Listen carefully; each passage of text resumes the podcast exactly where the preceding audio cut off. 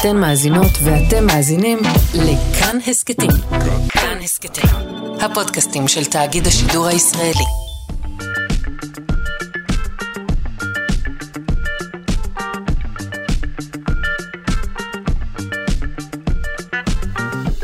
שלושה שיודעים. בשעה שאתם אה, נאבקים בפקקים, תחשבו על זה אה, שלפני כמיליון שנה התהלכו על פני כדור הארץ רק 1,200 בני אדם. אה, נשמע על כך, וגם נשאל מה הם סמארטפונים הוגנים ומהו ממוצע הרמוני. ומה עושה הג'ירפה בלי הכתמים שלה? אנחנו שלושה שיודעים, כאן, בכאן תרבות, 104.9 או 105.3 FM. עורכת אותנו אלכס לויקר, על ההפקה תמר בנימין, על הביצוע הטכני דימה קרנצוב. אני שרון קנטור, בואו נתחיל.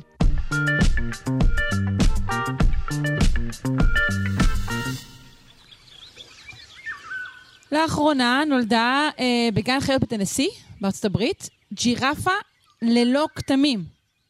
היא כנראה אה, היחידה אה, כרגע אה, מסוג זה היום. הייתה אחת כזו לפני הרבה זמן, בשנות ה-70. אנחנו רוצים לשוחח גם עליה וגם בכלל על שונות אצל בעלי חיים עם הדוקטור מיכל טופז, מובילת חינוך לקיימות ממכון דוידסון לחינוך מדעי. שלום, בוקר טוב. היי, בוקר טוב. מה העניינים? היי. בסדר גמור, שלומך? טוב, טוב מאוד. במיוחד. יופי, תמיד נחמד לשמוע על, על... כן, על גורת ג'ירפה, זה משמח. על גורת ג'ירפה זה משמח, אבל לא על כל גורת ג'ירפה באמת אנחנו בדרך כלל מדברים ככה על הבוקר. ופה יש איזה משהו ממש ממש מיוחד, כי ג'ירפה שבעצם יש לה צבע אחיד, זה באמת קרה פעם אחת שידוע בגן חיות בשנות ה-70 בטוקיו, אבל למה זה בעצם נורא מיוחד? אולי צריך קודם לנסות להבין למה הג'ירפות בכלל צריכות את הטלאים שלהם, את הכתמים האלה שלהם? קודם כל אולי נגיד שזה ג'ירפה ממין אה, מרושת.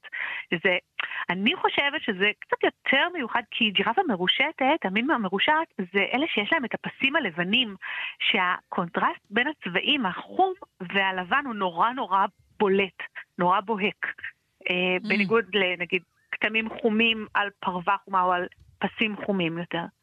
אה, ובעצם כן. לג'ירפות יש את הכתמים האלה, לכל המינים של הג'ירפות, לכל ארבעת המינים של הג'ירפות, יש כתמים משתי סיבות עיקריות. אה, סיבה ראשונה זה הסוואה, שזה קצת משונה ומוזר בגלל שהן נראות נורא גדולות ונורא בולטות, אז אה, זה לא נראה כמו בעל חיים שצריך הסוואה או שיכול להסתוות, אבל אני ממש זוכרת איך הפעם הראשונה שהגעתי לאפריקה וממש הופתעתי לראות שקשה מאוד לזהות אותם בטבע. הם ממש מסתוות טוב בתוך השטחים עם האור והצל והעצים הגבוהים או שיחים אה, מאוד מאוד אה, עבים כאלה, כן. אה, מאוד קשה לראות אותם. נכון, זה נראה כמו צל של עלים באיזשהו אופן, נכון. נכון, נכון, זה ממש מסתדר, מסתדר טוב עם צל של עלים, עם פסים כאלה של אור וצל, גם על הקרקע, אבל גם בין הענפים, קשה לראות אותם, צבע הסוואה מעולה. אז פה לא נראה לי שלג'ירפה החומה הייתה יכולה להיות בעיה, כי נראה לי שגם הג'ירפה החומה הייתה יכולה להסתוות לא רע גם אם הייתה בטבע. אבל הדבר הנוסף הוא שבעצם לפסים ולכתמים של הג'ירפה יש גם אה, משמעות בוויסות הטמפרטורה של, של הגוף של הג'ירפה. בעצם יש לה מערכת מאוד מתוחכמת של כלי דם שנמצאת ממש בין הכתמים ובין הפסים שלה, שמיועדת בעצם ממש לווסת את הטמפרטורה, גם מאפשרת אה, דחייה ומשיכה של חום של קרני השמש בגלל צבעים כהים ובהירים, וגם מאפשרת שחרור של חום דרך כלי הדם, והדבר הזה הוא מאוד מאוד משמעותי לג'ירפות. אמ, רגע, אז, אז לחדשה הזאת לא, לא יהיה ויסות טוב? זה לא שלא יהיה לה ויסות טוב, אבל בואי נגיד שיש לה, לה יתרון בזה שהיא נמצאת בגן חיות.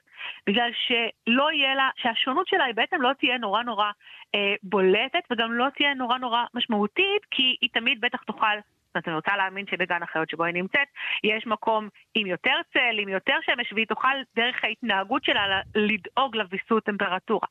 וגם... כן, היא גם לא צריכה להימלט מטורפים בגן החיות, היא, היא לא צריכה להסוות את עצמה. Mm-hmm. היא לא צריכה למצוא לעצמה אוכל בגן החיות, היא לא צריכה להימלט מטורפים בגן החיות, בעצם יש לה את כל התנאים שלה. שהיא, שהיא תוכל ממש אה, להסתדר כמו שצריך. אבל כן, אבל השאלה של הטורפים ושאלה של מציאת אוכל מובילה אותנו בעצם לחשוב על עוד כל מיני שונויות שיש בטבע, כמו למשל אבקנות, שזה הרבה פעמים כשאנחנו חושבים על שונויות בטבע מבחינת צבע, זה הדבר הראשון שאנחנו חושבים עליו. לאבקנות היא בעצם איזושהי תסמונת תורשתית שמתבטאת בצבע בהיר מאוד של העור, של השיער, של העיניים, אה, והיא נגרמת בגלל פגיעה מלאה או חלקית בייצור של מלנין, של הפיגמנט שיוצר צבע אצל בעלי חיים. עכשיו, בחיות לבקניות, בעלי חיים לבקנים בעצם באמת עלולים להתמודד עם כל מיני מכשולים בטבע. כמו, קודם כל יש להם, לפעמים יש להם אה, איזושהי בעיה בראייה, ראייה קצת יותר ירודה, מה שמעמיד אותם באיזושהי עמדת נחיתות מול ציד של מזון אה, או מול הימנעות מסכנה. אבל הדבר הנוסף זה שבאמת הופך אותם להרבה יותר פגיעים לטורפים. אם נחשוב רגע על תנינים לבקנים, אז תנינים לבקנים הרבה פעמים לא מצליחים להגיע לגיל בגרות כי טורפים אותם הרבה קודם, נורא נורא בולטים בשטח. קשה להם הרבה יותר להסתוות, הם הרבה יותר אה, אה, בולטים, אבל גם השאלה, וזאת בעצם השאלה העיקרית שצריכה להישאל, זה מה המשמעות של זה מבחינת מציאת בן או בת זוג. וזה יהיה נכון גם לג'ירף החומה, וזה יהיה נכון גם לתנין לבקן, או לכל בעל חיים אחר שיש לו איזושהי מוטציה של הצבע שלו, כי בעצם איך האבולוציה עובדת. האבולוציה עובדת על מוטציות אקראיות, ובסוף זה לא כל כך משנה אם בעל החיים הוא נורא אה, יפה בעינינו, או מצליח, אה, מה שחשוב זה אם הוא מצליח לשרוד, אבל בעיקר אם הוא מצליח להתרבות. ואם הוא מצליח להעביר את התכונה הזו אה, הלאה, אה, או לא. בדיוק, האם מוטציה עוברת לדורות הבאים. לפעמים יש מוטציות שיש להן יתרונות, ולפעמים יש מוטציות שאין להן יתרונות, אבל אם בעל החיים הזה הצליח להעביר את המוטציה לדורות הבאים, אז יכול להיות שהיא תישאר ותהפוך להיות איזה סוג של נורמה כזאת. ואם המוטציה הזאת גרמה לו להתערף נורא נורא מהר, אז רוב הסיכויים שהוא לא יצליח להעביר אותה לדורות הבאים.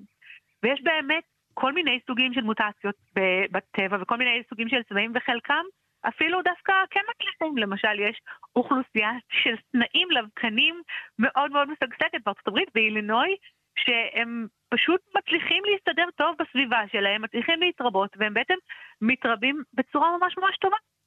ואם נחזור רגע לג'ירפות, אז נגיד שגם חוץ מהג'ירפה החומה, יש גם ג'ירפות לבקניות.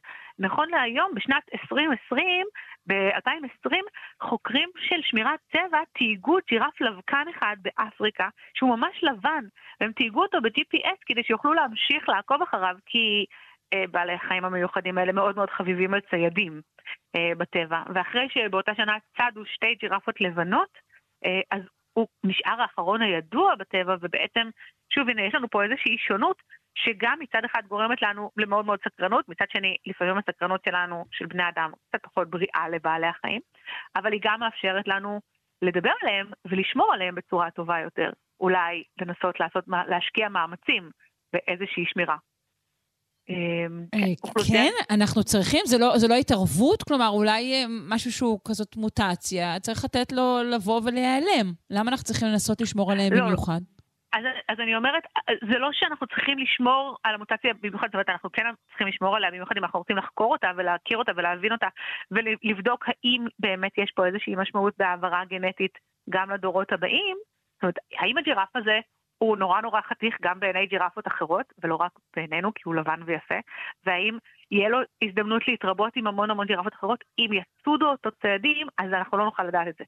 אז יש לנו משמעות כן, כן בלעקוב אחרי פרט אחד שיש לו ייחודיות, בעיקר בהקשרים של המחקר, לא רק בגלל שהוא נורא נורא יפה ועליו אנחנו שומרים, אלא בגלל שאנחנו רוצים לדעת מה המשמעות שלו בסביבה שלו. האם הוא מצליח להסתדר ולשרוד, למרות שהוא כבר בוגר והוא באמת גדול, אה, אבל האם הוא מצליח להסתדר ולשרוד בתוך הסביבה שהוא בעצם לא מסתובב בה כל כך טוב? כי דיברנו, אמרנו את זה אה, קודם, שבעצם הצבעים שלהם הם הסוואה נורא נורא משמעותית.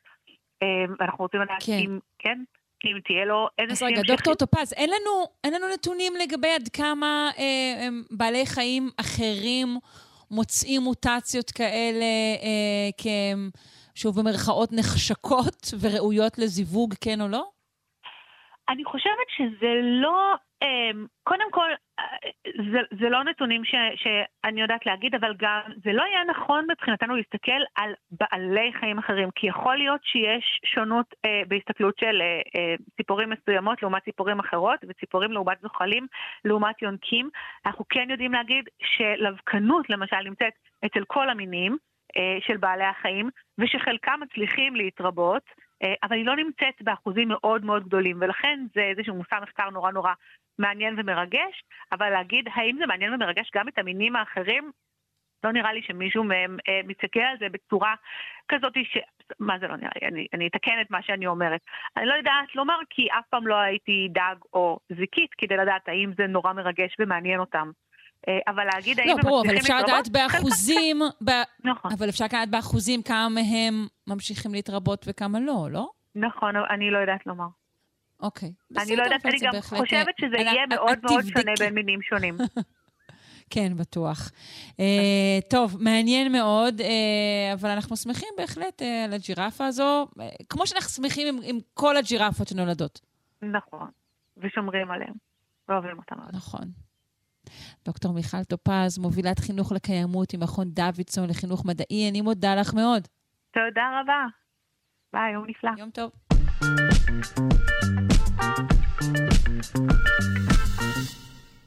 היום אנחנו מתמודדים בעיקר עם בעיות של אה, פיצוץ אוכלוסין וצפיפות, אבל פעם, כך עולה ממחקר חדש, היינו ממש אה, מעט חבר'ה. המחקר הזה טוען ששינויי אקלים שאירעו לפני כמיליון שנים הביאו לצמצום דרמטי מאוד של אוכלוסיית האדם הקדמון, ושבעצם במשך יותר ממאה אלף שנים התקיימו על פני כדור הארץ רק כמה אלפי בני אדם. וכולנו צאצאים של החבורה הנחושה הזו. אה, ידבר, ואולי גם יקשה, על המחקר הזה, הפרופסור ישראל הרשקוביץ, מומחה לאנתרופולוגיה ולאנטומיה מאוניברסיטת תל אביב. שלום. שלום וברכה. אה, המחקר הזה, כאילו, וואו, כשאתה קורא אותו אתה אומר, לא יכול להיות, וגם לא יכול להיות שלא ידענו את זה קודם. אז אה, קודם כל בוא אה, תדייק את הנתונים, אם יש צורך. לא, הנתונים, אה, הנתונים של המחקר באמת מראים, זאת אקספר- אקספר- אקסטרפולציה גנטית, מתמטית, אה, שמראה שבין 900 ל-800 אלף שנים בערך אוכלוסיות האדם התמעטו עד למספר של כמה אלפים בודדים, כמו שציינת. מה שיותר מדהים בסיפור הזה, לפחות לפי החוקרים, זה שאותם אה, אה, כמעט אה, 1,200 או 1,300 אה, פרטים אה, בוגרים אה, שרדו במשך אה, 100 אלף שנים. ורק אחרי 100 אלף שנים, בסביבות 800 אלף שנה, האוכלוסייה האנושית התחילה לגדול אה, מחדש. איך 100 אלף, איך, איך אה, קצת למעלה מאלף אנשים הצליחו לשרוד אה, תקופת זמן כל כך ארוכה, בהתחשב בתנאים שהם חיו, גם התנאים הסביבתיים שבהם הם חיו, זאת אה, חידה אה, מאוד גדולה. אה, איך עד עכשיו בעצם אה, לא ידענו, או לפחות לא שיערנו, אה, שזאת הייתה קבוצה כה קטנה? מה, מה חדש בשיטה אה, שבה החוקרים האלו השתמשו? קודם כל, תמיד ידענו שלא היו הרבה אה, כמונו אה, בעולם אה, עד לפני 50 אלף שנים. אם היית לוקחת כן. אפילו את התקופה של, נגיד בסך הכל לפני 200 אלף שנים, והיית אוספת את כל ההומינינים אה, מכל העולם, היית מכניסה אותם בקלות לתוך אצטדיון רמת גן, כך שאף פעם לא היינו המון. גם אה, הניאנדרטלים בשיא פריחתם אה, באירופה, אה, לפני מאה אלף שנים לא מנו יותר מ-5,000 עד 10,000 אה, פרטים, כך שצריך אה, לצייר תמונה קצת יותר אה, אמיתית, אה, נכון. דמוגרפית יותר אמיתית של בני אדם הקדומים. אבל רגע, לא כשאנחנו רבים אומרים את המספרים האלו, הכוונה למספר ממוצע בכל פרק זמן, נכון? פחות או יותר. מספר ממוצע בכל פרק זמן. אוקיי. אז מה הם עשו בעצם בשיטה הזו שגרם לצמצום יתר? מה שגרם, החוקרים טוענים שמה שהביא לצמצום כל כך דרמטי ב- באוכלוסייה האנושית זה כמובן שינוי האקלים, והם משייכים את זה לאיזושהי אה, אה, בצורת ארוכה, שמה שצריך לזכור שבערך לפני מיליון שנה מתחילות תקופות הקרח הגדולות, התקופות המאוד קרות והמאוד אה, ממושכות שבאים באינטרוולים הולכים וקטנים וגורמים לשינוי אקלים כמובן בכל האזורים בעולם.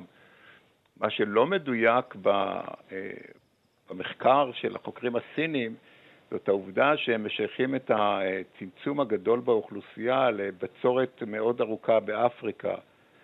אז נכון שהיו שינויי אקלים, נכון שהימים הת- התקררו בצורה משמעותית, אבל אין שום עדות לקיומה של בצורת ארוכה באפריקה בתקופה שבין 900 ל-800 אלף שנים. Mm. וזה מצטרף לעוד כמה חורים בתזה הכוללת של החוקרים הסינים, למשל הטענה כאילו בתקופה הזאת יש לנו, אין לנו כמעט מאובנים אנושיים או אין לנו כמעט אתרים אנושיים. זה לא מדויק, כי צריך לזכור שבתקופות כל כך קדומות גם ככה כמות המאובנים היא קטנה מאוד וכמות האתרים היא קטנה מאוד, והתקופה הזאת לא שונה מהבחינה הזאת מתקופות שהן קודמות לה או מאוחרות לה. אז, אז בין אם מדובר, אה, שוב, באמת בקומץ אה, כמעט שהם מתארים, ובין אם מדובר במעט יותר, בכל מקרה מדובר בתופעה שאנחנו מכנים אותה צוואר בקבוק גנטי, נכון? זו תופעה שנקראת צוואר בקבוק גנטי, וזה די ברור. ברגע שיש לך אוכלוסייה של 100 פרטים, והיא קטנה לעשרה פרטים או לחמישה פרטים, אז ברור שהשונות הגנטית בקבוצה קטנה בצורה uh, דרסטית, ואת השונות, השינויים בשונות הגנטית והקשר שלה לגודל האוכלוסייה זה דבר שהוא ידוע. אתה יכול לקחת, ומה שהסינים בעצם עשו, החוקרים הסינים עשו, הם לקחו אה, מידע שהיה קיים אה, על אוכלוסיות, על שונות גנטית באוכלוסיות של היום, ובאקסטרפולציה מאוד אה, מעניינת, הם, ומתוך ידיעה של הקשר של בין שונות גנטית לבין גודל האוכלוסייה, הם הגיעו למספרים שציינת קודם. והמשבר הזה, הגדול, שהם מתארים, הוא משבר שהיה, הם מתארים משבר גלובלי שקרה בכל מיני מקומות ביחד? זה אמור היה להיות משבר גלובלי, למרות שהעדויות שלהם באות בעיקר מאפריקה. צריך לזכור שיש לנו עדויות ממקומות אחרים לקיומם של הומינידים, יש לנו עדויות של, לקיום של הומינינים באירופה למשל, הומואנטיססר, יש לנו עדויות של קיום של הומינינים אה, ב... אה, באסיה באותה תקופה, במזרח אסיה, בסין, ואין לנו מאובנים מן הארץ, אבל יש לנו אתרים מן הארץ שהם פחות או יותר משויכים לאותה תקופה. ואוכלוסייה שעוברת אה, אה, תקופה כזו, היא מפתחת מן הסתם, או לא מן הסתם בעצם, אני שואלת, היא מפתחת אה, תכונות אה, גנטיות שעוזרות לה, שמסייעות לה לעבור את התקופה הזו מבחינה אקלימית? אה, זאת, זאת אחת הטענות, יש כמה טענות סמויות בתוך המאמר, למשל, אחת, אחת מהן זה המחשבה כאילו הקפיצה הגדולה בנפח המוח קשורה באותה אה, ירידה עצומה במספר, אה, במספר הפרטים.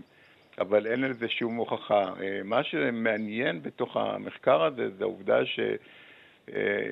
הטענה, גם היא טענה שמוחבאת בתוך המאמר, זה שהמעבר שלנו מ-24 זוגות קרומוזומים, כמו שיש גם לגורילה ולצ'ימפנזי, ל-23 זוגות של קרומוזומים, קרה באותה uh, תקופה.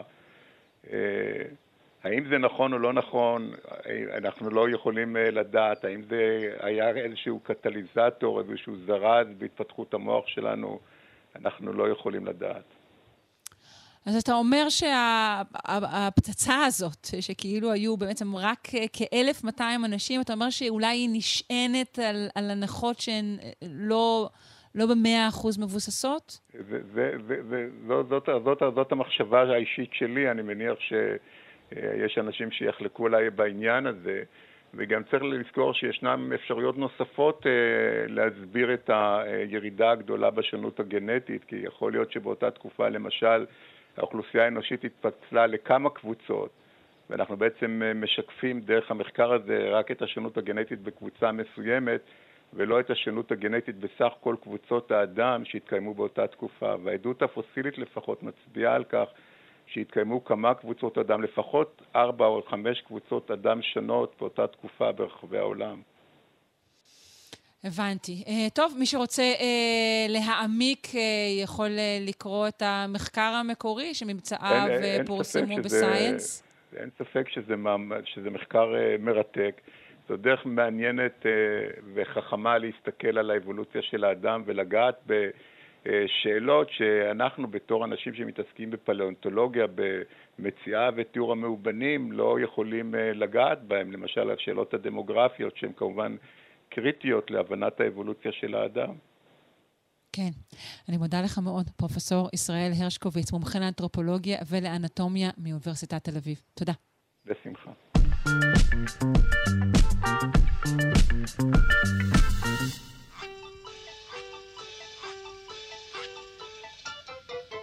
בחשבון זה נכון, אי אפשר לרפרף. בחשבון זה נכון, אי אפשר לצפצף. בחשבון זה נכון, לזייף. אך מי אמר שבחשבון אי אפשר לקיים? פינת המתמטיקה של מיכאל גורודין ממכון דוידסון, הזרוע החינוכית של מכון ויצמן למדע. אנחנו עם פינה מיוחדת אה, שמוקדשת אה, לאוכלוסיית אה, תלמידים שלא מרבים לדבר בה. כי הם לא אה, מתקשים במיוחד והם לא מצטיינים במיוחד. הם תלמידים ממוצעים. אנחנו רוצים לחגוג את התלמידים הממוצעים. נכון? נכון, נכון, גם, גם לממוצעים מגיע. אה, וואו, ו- זו סיסמה אה, נהדרת.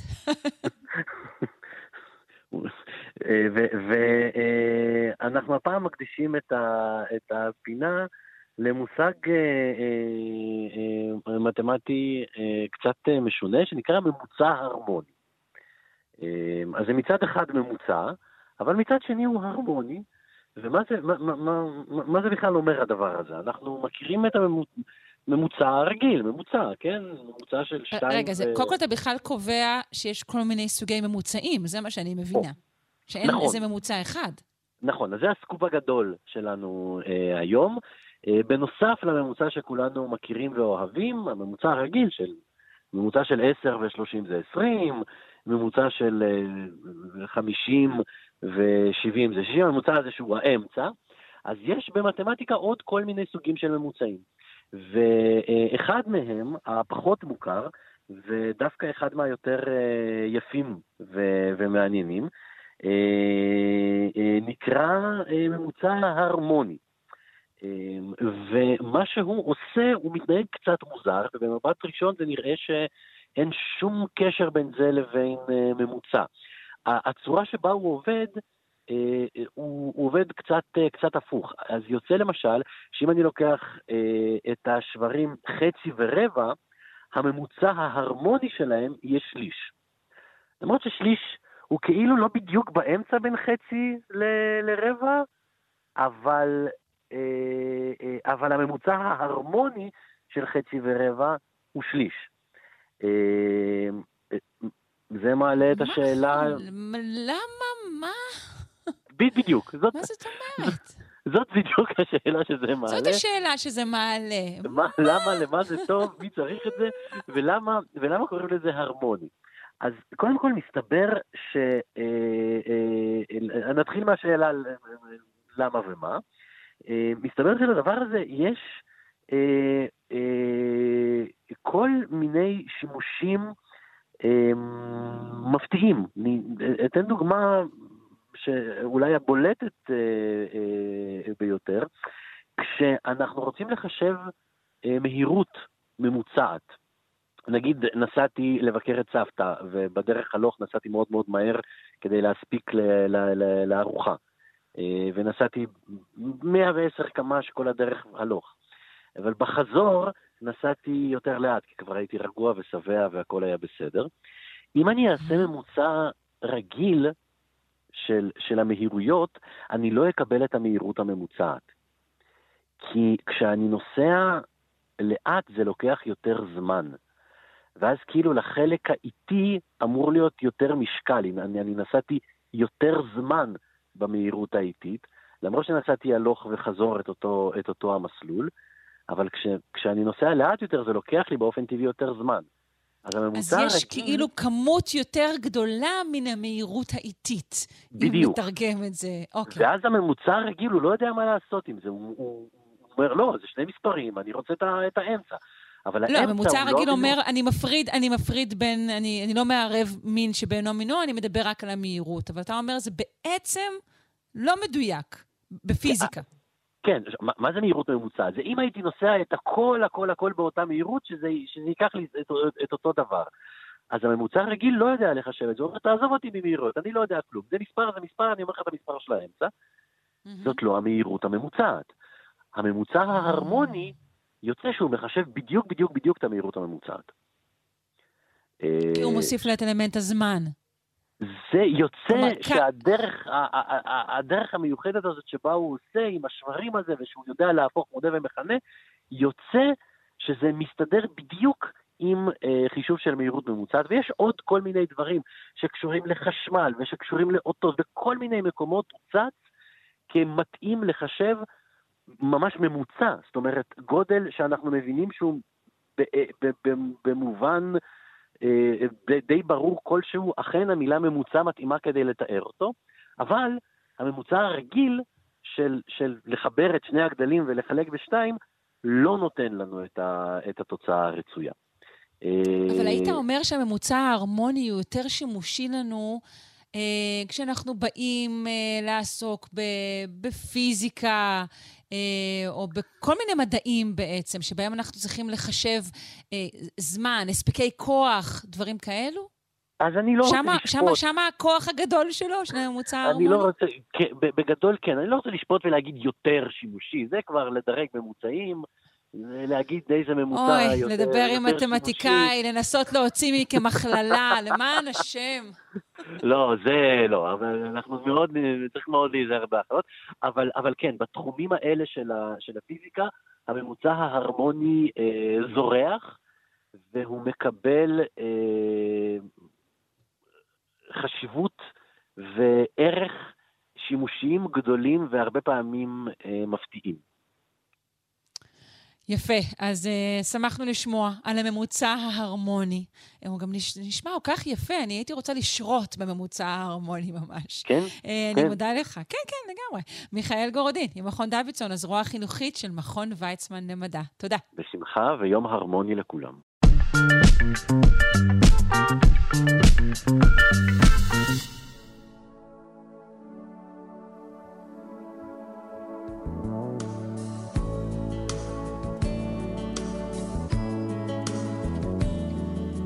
פינת הקיימות עם יאיר אנגל, מעצב ומנכ"ל קיימה, המרכז לתכנון ועיצוב מקיים. שלום. שלום וברכה. הייתכן שהבאת איתך את המוצר בעל השם הבלתי אפשרי סמארטפון הוגן? אכן, אכן, ואפילו החמישי ב- בסדרה שלהם. וואו. בוא אז- נסביר על מה מדובר. קודם כל, מה לא הוגן אה, בשאר הטלפונים החכמים שבהם אנחנו משתמשים? אה, בשביל זה נצטרך איזה שעתיים לפחות, אז אה, אולי ננסה למצוא גם מה טוב. אה, אה, כמה מילים על החברה הזאת. פרפון, ככה היא נקראת החברה הזאת, אה, טלפון הוגן, הוקמה כבר לפני יותר מעשור באמסטרדם, והיא בעצם התחילה בתור מיזם חברתי. אה, למי שזוכר דברים מלפני עשור, היו כמה מיזמים כאלה של לנסות לעשות טלפונים שונים, שהם נראים סמארטפונים שונים, שנראים קצת כמו לגו, שאפשר לפרק אותם, להרכיב אותם, לתקן אותם, אה, וזה היה במטרה להפוך אותם ליותר, אה, נגיד, יותר סביבתיים, יותר תואמים, שאפשר אה, לתכנן ולעצב אותם לכיוון של כלכלה מעגלית. כלומר, כן, כי אנחנו יודעים שהעולם מלא בפסולת אלקטרונית עד להתפקע. כן, ואנחנו כל הזמן אה, מוזנים ו- ו- ונמשכים לקנות טלפונים חדשים, שהרבה פעמים ההבדל ביניהם הוא לא, לא מאוד מאוד משמעותי. אנחנו משתמשים בהם מעט מאוד זמן ומחליפים אותם שוב, וזה הופך להיות פסולת אלקטרונית עם מאות רכיבים, חלקם אה, חומרים אה, רעילים, חלקם חומרים שקשה מאוד להשיג אותם, חומרים נדירים, וחלקם אפילו חומרים שגורמים למלחמות בכל מיני מקומות בעולם. אה, קוראים נכון. להם קונפליקט מינרלס, ודיברנו על זה אפילו בעבר. והמיזם הזה היה ממש מיזם חברתי, הוא לא, אפילו לא חשבו שהוא יהפך להיות איזושהי חברה, במטרה לחשוב, להביא חזון אחר. האם אפשר ליצור טלפון שהוא גם יהיה טוב, הוא גם יעבוד, אולי הוא לא יהיה ה-high-end, הדבר האחרון שיצא מבית החברות הגדולות ביותר, אבל הוא יהיה טלפון טוב, שימושי, שאנשים ירצו להשתמש בו, שהוא לא יהיה פחות טוב או פחות שימושי, אבל גם הוא וגם, יהיה אחר. אחד הדבר, זהו, אחד הדברים שרציתי לשאול אותך, נגיד, הטלפונים באמת מחליפים את, אותם קומפלט. האם אחד הדברים שהם עבדו עליהם זה שאולי אפשר להתייחס לטלפון לא כאל יחידה אחת? כן, זה, זה בעצם היה פה התאחדות של, של שני מיזמים, ואחד מהם קראו לו פון בלוקס, שזה היה הרעיון, שכל אחד יכול להתאים לעצמו, כמו, ממש כמו לגו, את הטלפון, הטלפון הזה אפילו היה ב... אה, תחת איזשהו פרויקט של גוגל, אבל הוא ממש ברגע שהוא יצא, הוא כנראה היה לו איזושהי תקלה טכנית, יכול להיות שגוגל אז אה, ספגו מפלה מהמשקפיים שהם ניסו להוציא ולא הצליחו מבחינה טכנית ו- ו- וגנזו את הפרויקט הזה, ופרפון התחילו להריץ את זה. הם בעצם עשו משהו מאוד מעניין, הם קראו לאנשים מכל העולם להצטרף, אה, מפתחים, מעצבים, אה, אה, מהנדסים וכולי, כל אנשי הפיתוח של, של טלפונים ו, וחזון של סביבה. ו, ובעצם יצרו את הטלפון הראשון, פרפון 1, שיצא כבר לפני יותר מעשור, ואחד הדברים המדהימים היו שם שהם הבינו מההתחלה שזה מסע. וזה באמת מסע שכבר קורה למעלה מעשר שנים, כי הם הבינו שהם לא יכולים עם כוח כל כך קטן לשנות השוק, אבל הם יכולים להתחיל לסדוק אותו. ובטלפון הראשון למשל הם יצאו עם מפה שלמה של כל החומרים, מאיפה הם הגיעו, מאיפה הם יוצרו, כמה עלה לייצר כל דבר וכמה כל בן אדם בחברה, מי, אה, מי שקרא את חומרי הגלם ועד מנכ"ל החברה אה, וכולי, כמה כסף הם קיבלו. והם הצליחו ליצור טלפון עובד סביר, אה, טוב, אה, וגם הוגן כמה שהם יכלו לעשות. מאז עברו הרבה, הרבה טלפונים, בעצם אה, מאות אלפים או אפילו יותר מזה. אצלהם, אני מדבר, בעולם כבר עברו מיליארדים. אה, בעולם מייצרים משהו כמו מיליארד 600 מיליון טלפונים בשנה. שזה בלתי, בלתי נתפס המספר הזה. אמ, והם פיתחו את זה, ובעצם עכשיו הם משיקים את פרפון 5, הם כבר הגיעו למכשירים טובים, עם ביקורות טובות, הם כל הזמן מצליחים אה, לנסות ולהתקדם. ואני אנסה לספר כמה פרטים בזמן שיש לנו על, על, מה, על מה הרעיון פה. אז קודם כל, אה, אני, אני לא אפרט על כל העניינים הטכניים של המוצר עצמו, אני מדבר מה, איזה, יש לו מצלמות, יש לו זה, יש לו מכשירי... יש, אה, לו, יש לו הכל, כל מה שאדם... יש לו הכל, אה... הוא, הוא מה שנקרא מכשיר okay. אוקיי. mid-range. אוקיי? זה לא מכשיר high-end, זה מכשיר mid-range, הוא, הוא, המכשיר אה, נמכר כרגע במכירה מקדמית והוא יצא לשוק ב-14 לספטמבר והוא יעלה 700 יורו. זה יוצא 2,800 שקל בערך. המחיר שלו הוגן גם כן בעניין הזה. גם כן mid-range בעניין כן, הזה, אוקיי. בדיוק. עכשיו, מה שקורה זה שהם באים ואומרים כמה דברים. קודם כל, הטלפון שלנו הוא הכי הוגן שתצליחו למצוא. למעשה, אה, אחד המייסדים של החברה אה, יצא, אה, קוראים לו מיגל בלסטר סלווה, אחד, הוא מנהל הייצור של פרפון ואחד המייסדים של החברה, כתב לפני כמה ימים, הוצאנו את הטלפון הכי סביבתי, הכי מקיים והכי הוגן שיש, אלו הפרמטרים, תסתכלו אצלנו באתר, בואו נראה אם מישהו מצליח להגיד, להביא לי משהו טוב יותר מזה, ו, ואף אחד לא מצליח להביא, כי הם באמת עושים עבודה מדהימה. יש, קודם כל המכשיר שלהם מציע אחריות של חמש שנים שזה הרבה יותר מכל טלפון אחר, mm-hmm. בערך פי ארבע אה, בממוצע, והם מציעים שמונה שנים של עדכוני תוכנה. עכשיו, בגלל שאנחנו כבר מכירים אותם עשור, אז אנחנו יודעים שהם עומדים בדברים האלה. כלומר, okay. כן. הטלפון אפשר לעדכן אותו עוד פעם ועוד פעם ועוד פעם, וגם לתקן אותו.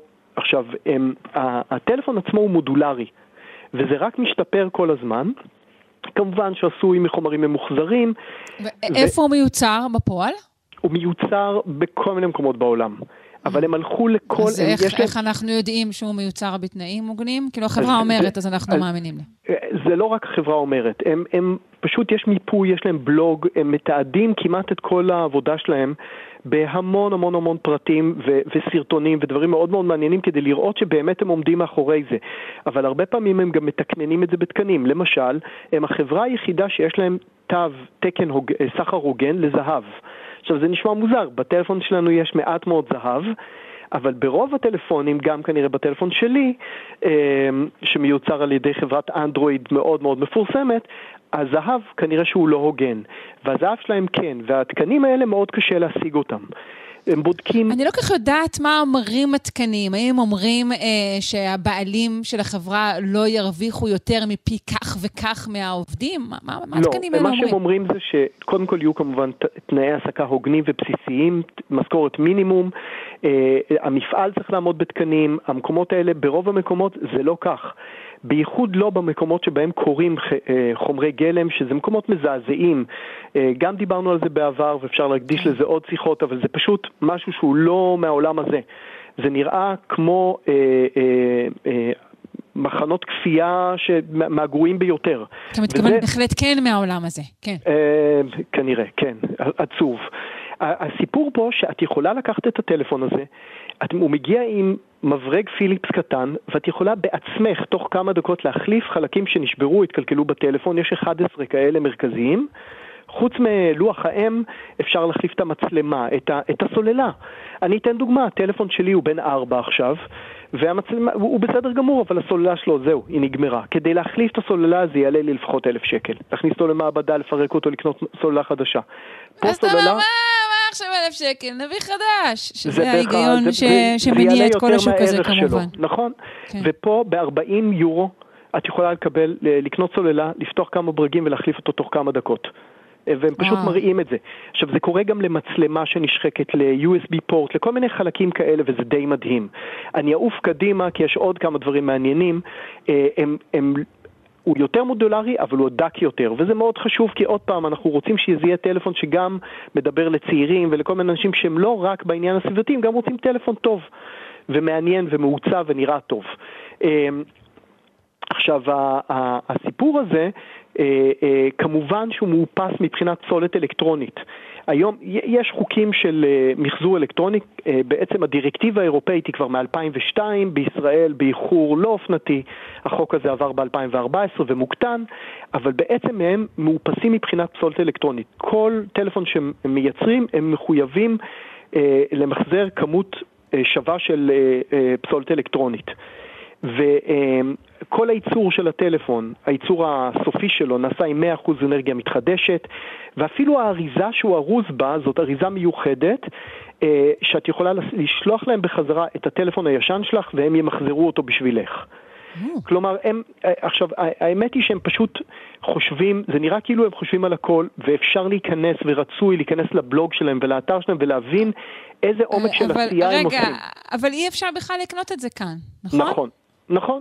כלומר, נצטרך זה... בכל זאת אה, אה, לפגוע בטביעת הרגל הפחמנית שלנו ולטוס להולנד כדי לרכוש טלפון כזה. אני, אני חושב שאולי אה, נצליח לשכנע אותם הפעם, אה, אבל אה, ניסינו לפנות אליהם כמה פעמים ולראות אם כן יצליחו למכור פה בארץ, אבל אחת הסיבות שהם לא מוכרים במקומות חוץ מאירופה, זה בגלל שהם, הם, הם, בגלל כל המחויבות הסביבתית שלהם וגם בגלל שהם מחויבים לתקן את הטלפונים. והם לא אוקיי. מספיק חברה גדולה שיכולה לקחת על עצמה אחריות של הקמת מעבדות בכל רחבי העולם. סיפורה של הגלובליזציה כולה, שלה. פחות או יותר in a nutshell. אנחנו צריכים uh, לסיים, אז uh, תודה רבה לך שהבאת לנו את uh, uh, סיפורה של החברה הזו, חברה הולנדית אמרת, נכון? יושבת באמסטרדם. נכון, ובייחוד חברה שאומרת שאפשר לעשות שינויים גם היום, גם בעולם שלנו, גם תחת כל השיטה שלנו. אז פיירפון, uh, אתם קטן. מוזמנים uh, ל- ללמוד לפחות עליהם יותר uh, בשלב זה. יאיר אנגל, מעצב ומנכ"ל קיימה, מרכז התכנון ועיצוב מקיים, תודה רבה. תודה רבה.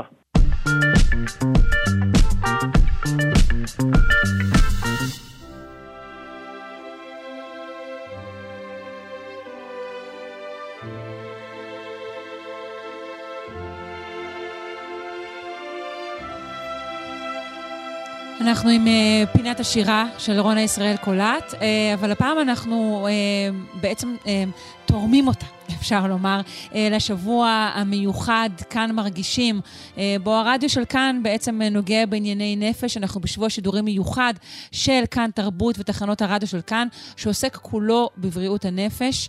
בשנים האחרונות חלה עלייה הדרגתית במצוקה הנפשית בישראל. אה, נתונים מוכיחים אה, עלייה של עשרות אחוזים בפנייה לסיוע נפשי ורגשי בקרב ילדים, נוער ומבוגרים. אה, התמודדות נפשית יומיומית של הציבור הישראלי הולידה את המחשבה על הפרויקט הזה, כאן מרגישים. זו שורה של הסכתים ותוכניות רדיו שנוגעים בסוגיות מרכזיות בנושא בריאות הנפש. ואנחנו מקווים שזה מסייע לנזקקים וגם חושף את הנושא לאחרים. שלום לך, רונה ישראל קולט, מורה אה, לפיתוח קול וחוקרת קוגניציה ווקאלית באוניברסיטה העברית. כיצד תחברי את אה, פינת השירה הנפלאה שלך לנושא הזה ולשבוע המיוחד הזה של כאן מרגישים? אז למעשה הפינה מחוברת בטבור מרגע היוולדה. אה, כמעט בכל פעם אנחנו מדברים באספקטים של אה, גוף נפש שקשורים לשירה.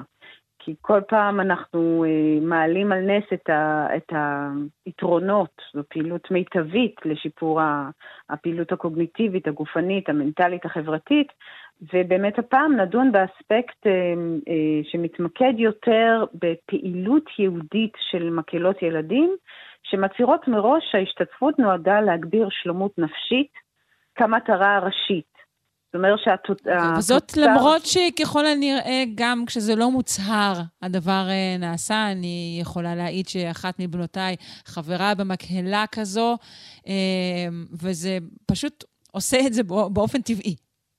אה, זו השאלה אם היא, רגע, אז זה מעניין, האם היא חברה במקהלה שהיא ייעודית? זאת אומרת שמראש... לא, זה מה שאני אומרת, לא. לא, לא, היא פשוט חברה במקהלת ילדים. אז זהו, שהמקהלות, אה, זה יושב על איזשהו קו תפר, כי באמת השאלה מעניינת, מה קדם למה? האם המטרה היא תוצר מוזיקלי אומנותי, או שהגברת השלמות הנפשית זו המטרה הראשית, והתוצר המוזיקלי הוא משני, זאת אומרת, רק נועד לתמוך בזה.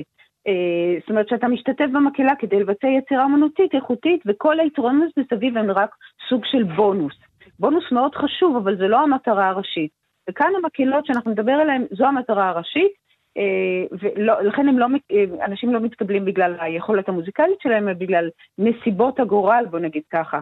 אז זה יושב mm-hmm. על איזשהו קו תפר בין תרפיה למוזיקה, שמשתמשת בכלים מוזיקליים על מנת להביא לשינוי רגשי או פסיכופיזי ללא ייעוד אמנותי, ובין גופים המנצחים שיכולים למעשה להתעלם לחלוטין מהאספק הרגשי של הזמרים בשביל, בשביל המטרה האמנותית. זאת אומרת, יש, יכול להיות מנצח שמתעמר בזמרים או מסית אותם אחד נגד השני, השני, כבר יהיו דברים מעולם, אבל באמת אנחנו mm. מדברים כאן על, כן, אז אנחנו מדברים כאן על, על המטרה, ה, על, על הבונוס הופך להיות הדבר הראשי. הראשי.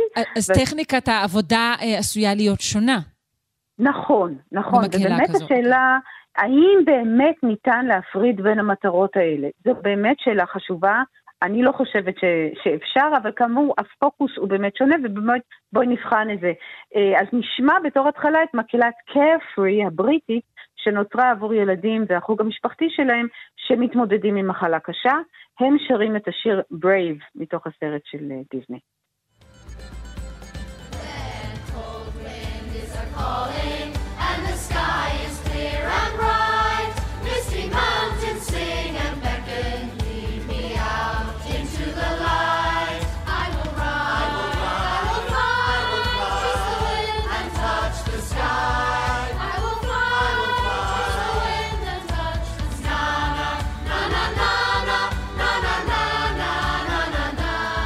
אני חושבת שזה מרגש רק להקשיב לזה, אבל אם, אם יש גם את ההיסטוריה מאחורי זה, אם את רואה כן. את הוידאו, את רואה את הילדים, אז זה עוד יותר מרגש. נכון, אנחנו מותרת... כמובן, הצליל של כל מקהלת ילדים הוא תמיד מאוד מרגש, נכון, אבל נכון. השאלה היא, האם, האם אנחנו אומרים ש... את יודעת, כל מיני פעילויות מילדים חולים, כל אה, אה, פעילות אומנותית, תמיד יש לה בנפיט אה, טוב ומיטיב. מה כאן בשירה, אה, אפשר להגיד, עושה את ההבדל? נכון. אז המטרה המוצהרת היא להיפגש מדי שבועיים כדי שהמפגשים האלה ישתלבו עם שגרת הטיפולים הרפואיים כדי, אחד, של, לייצר את הסיטואציה חברתית שכמו שאת אומרת יכולה להיווצר בכל מפגש, אה, אבל כאן הם נהנים מה, אה, מהשחרור של האנדורפינים של, שהשירה מייצרת כחלק ממערך הטיפולים. ולמה זה חשוב?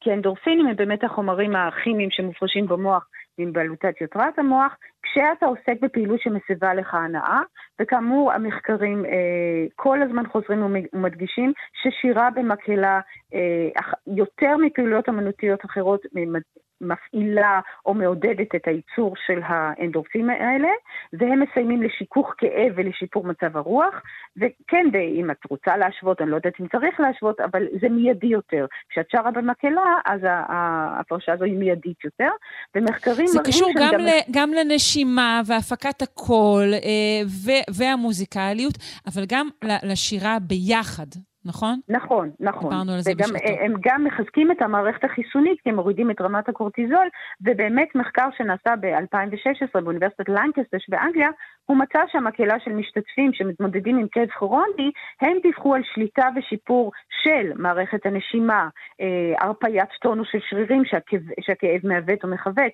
על שיפור יציבה, שביחד תורמים לעלייה באנרגיה החיובית, שלאחריה יש תחושה מוגברת של רגיעה ושלומות, וכמובן שאי אפשר לבודד את כל הפרמטרים על המפגש החברתי עצמו, שבכל מקרה מיטיב, אבל זה אפשרי גם ללא שירה, אבל השירה היא זו שמאפשרת את ה... את ה מדגישה את השיפור במערכת הנשימה וה, והטונוס של שרירים מסוימים, וכמובן היציבה, זה הדגש שלה. ללא שום קשר אם אתה סובל מכאב אה, זה או אחר, זה מה שהיא עושה, זה מה שהשירה אה, משפרת, אז כמובן ניתן לרתום את כל מה שהשירה משפרת למען התמודדות עם איזשהו מצב אה, זה או אחר.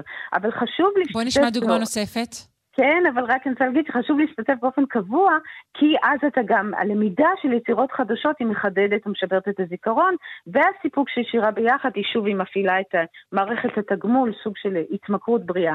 אז אנחנו אה, אה, שומעים, אה, זה לא מקרי שאנחנו שומעים הרבה מהדוגמאות מבריטניה, כי יש להם מסורת עתיקה של שימוש במשאבים של השירה, וזה גם, יש הרבה תוכניות ריאליטי שמציגות את היתרונות של שירה במקהלה, זה רותם מעגלים רחבים. את תזכרי גם את גלי, זה מאמריקה, אבל זה השפיע גם עלינו. אה, אז אה, בואו נשמע עכשיו מקהלה שאמורה להיות בלתי אפשרית, אבל היא עובדת בשטח, מקהלה של ילדים על הרצף האוטיסטי.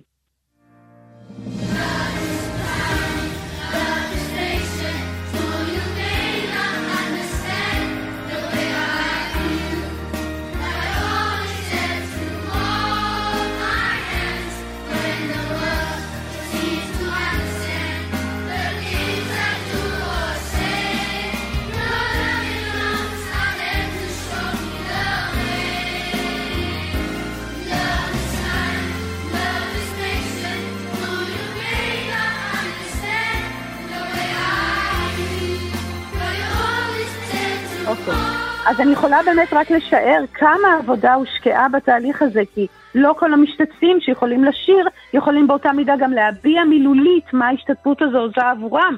אבל ניתן להבין את זה מהתגובות שלהם, שהם נהנים מההתרגשות של שירה מול קהל, שמגבירה את, ה, את האדרנלין החיובי. הם נהנים מהביחד, מהתחושה שהם השיגו הישג אמנותי חיובי, הסביבה משקפת להם את זה. אה, אז באמת, אני לא, אולי לא אספיק להגיד, יש מחקר שנעשה בארץ על ידי נירית רייכל ואילת, שבדק את היתרונות של מקהלה שמשלבת ילדים על הספקטרום וילדים אה, נוירוטיפיקליים, אז זה כמובן, אה, חש... זה תלוי גם, בה, ההצלחה הייתה מוכחת, אבל זה תלוי גם בהכלה ובהדרכה של המובילים החברתיים והניהול המוזיקלי. ולכן יש ערך לתוכן המוזיקלי ולמחויבות של ההדרכה, כי uh, uh, אתה, הם יודעים מתי מוותרים להם ומתי מגדילים את המרחב הפנימי בגלל שדורשים מהם לפתח יכולות שלא היו להם, כמו לשיר בהרמוניה מושלמת, זאת אומרת שמירה על הצליל שלך תוך האזנה לאחר. כדי לייצר את השלם הגדול הזה, שגדול מסך הקו. אז בואי נשמע עכשיו מקהלה מאפריקה, שמשלבת לא רק צרכים רגשיים ואמנותיים, אלא ממש צרכים פיזיים יומיומיים. זו מקהלת וואטוטו מקמפלה שבאוגנדה, אה, והם אה, איבדו, הילדים איבדו הורה או שני הורים, בגלל אייז או סיבה אחרת, והמקהלה שמאורגנת על ידי הכנסייה, היא מספקת להם את המסגרת התומכת.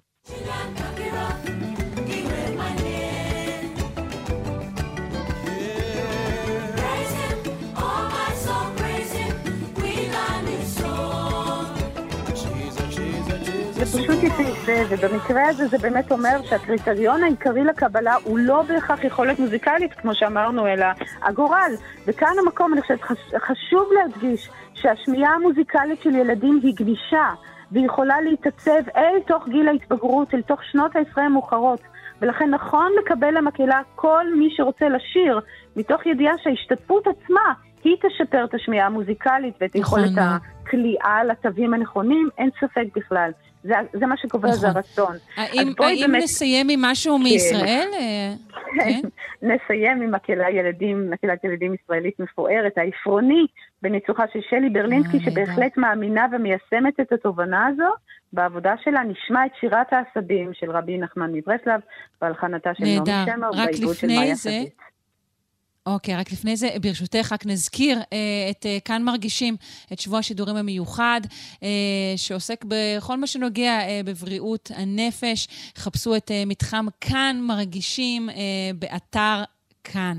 ועכשיו נשמע את uh, מקהלת חפשו העפרוני. ותשאירו, תודה רבה ותשאירו. כמה שיותר. תודה. כן, תודה לך, רונה ישראל קולט.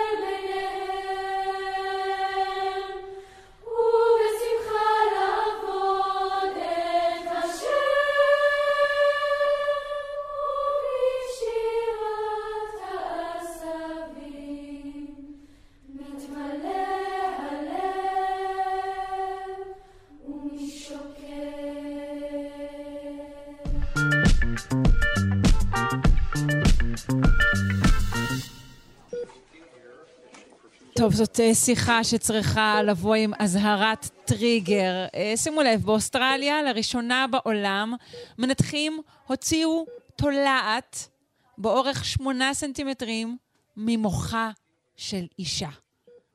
למה זה קרה? איך חיה שם התולעת?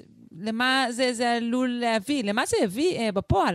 על כל אלו נשמע מהדוקטור נועם אה, לוויתן, ביולוג עם מכון דוידסון לחינוך מדעי. שלום, בוקר טוב. בוקר טוב. קודם כל זה אולי נשמע אה, מזעזע, אני אוהב סיפורים כאלה.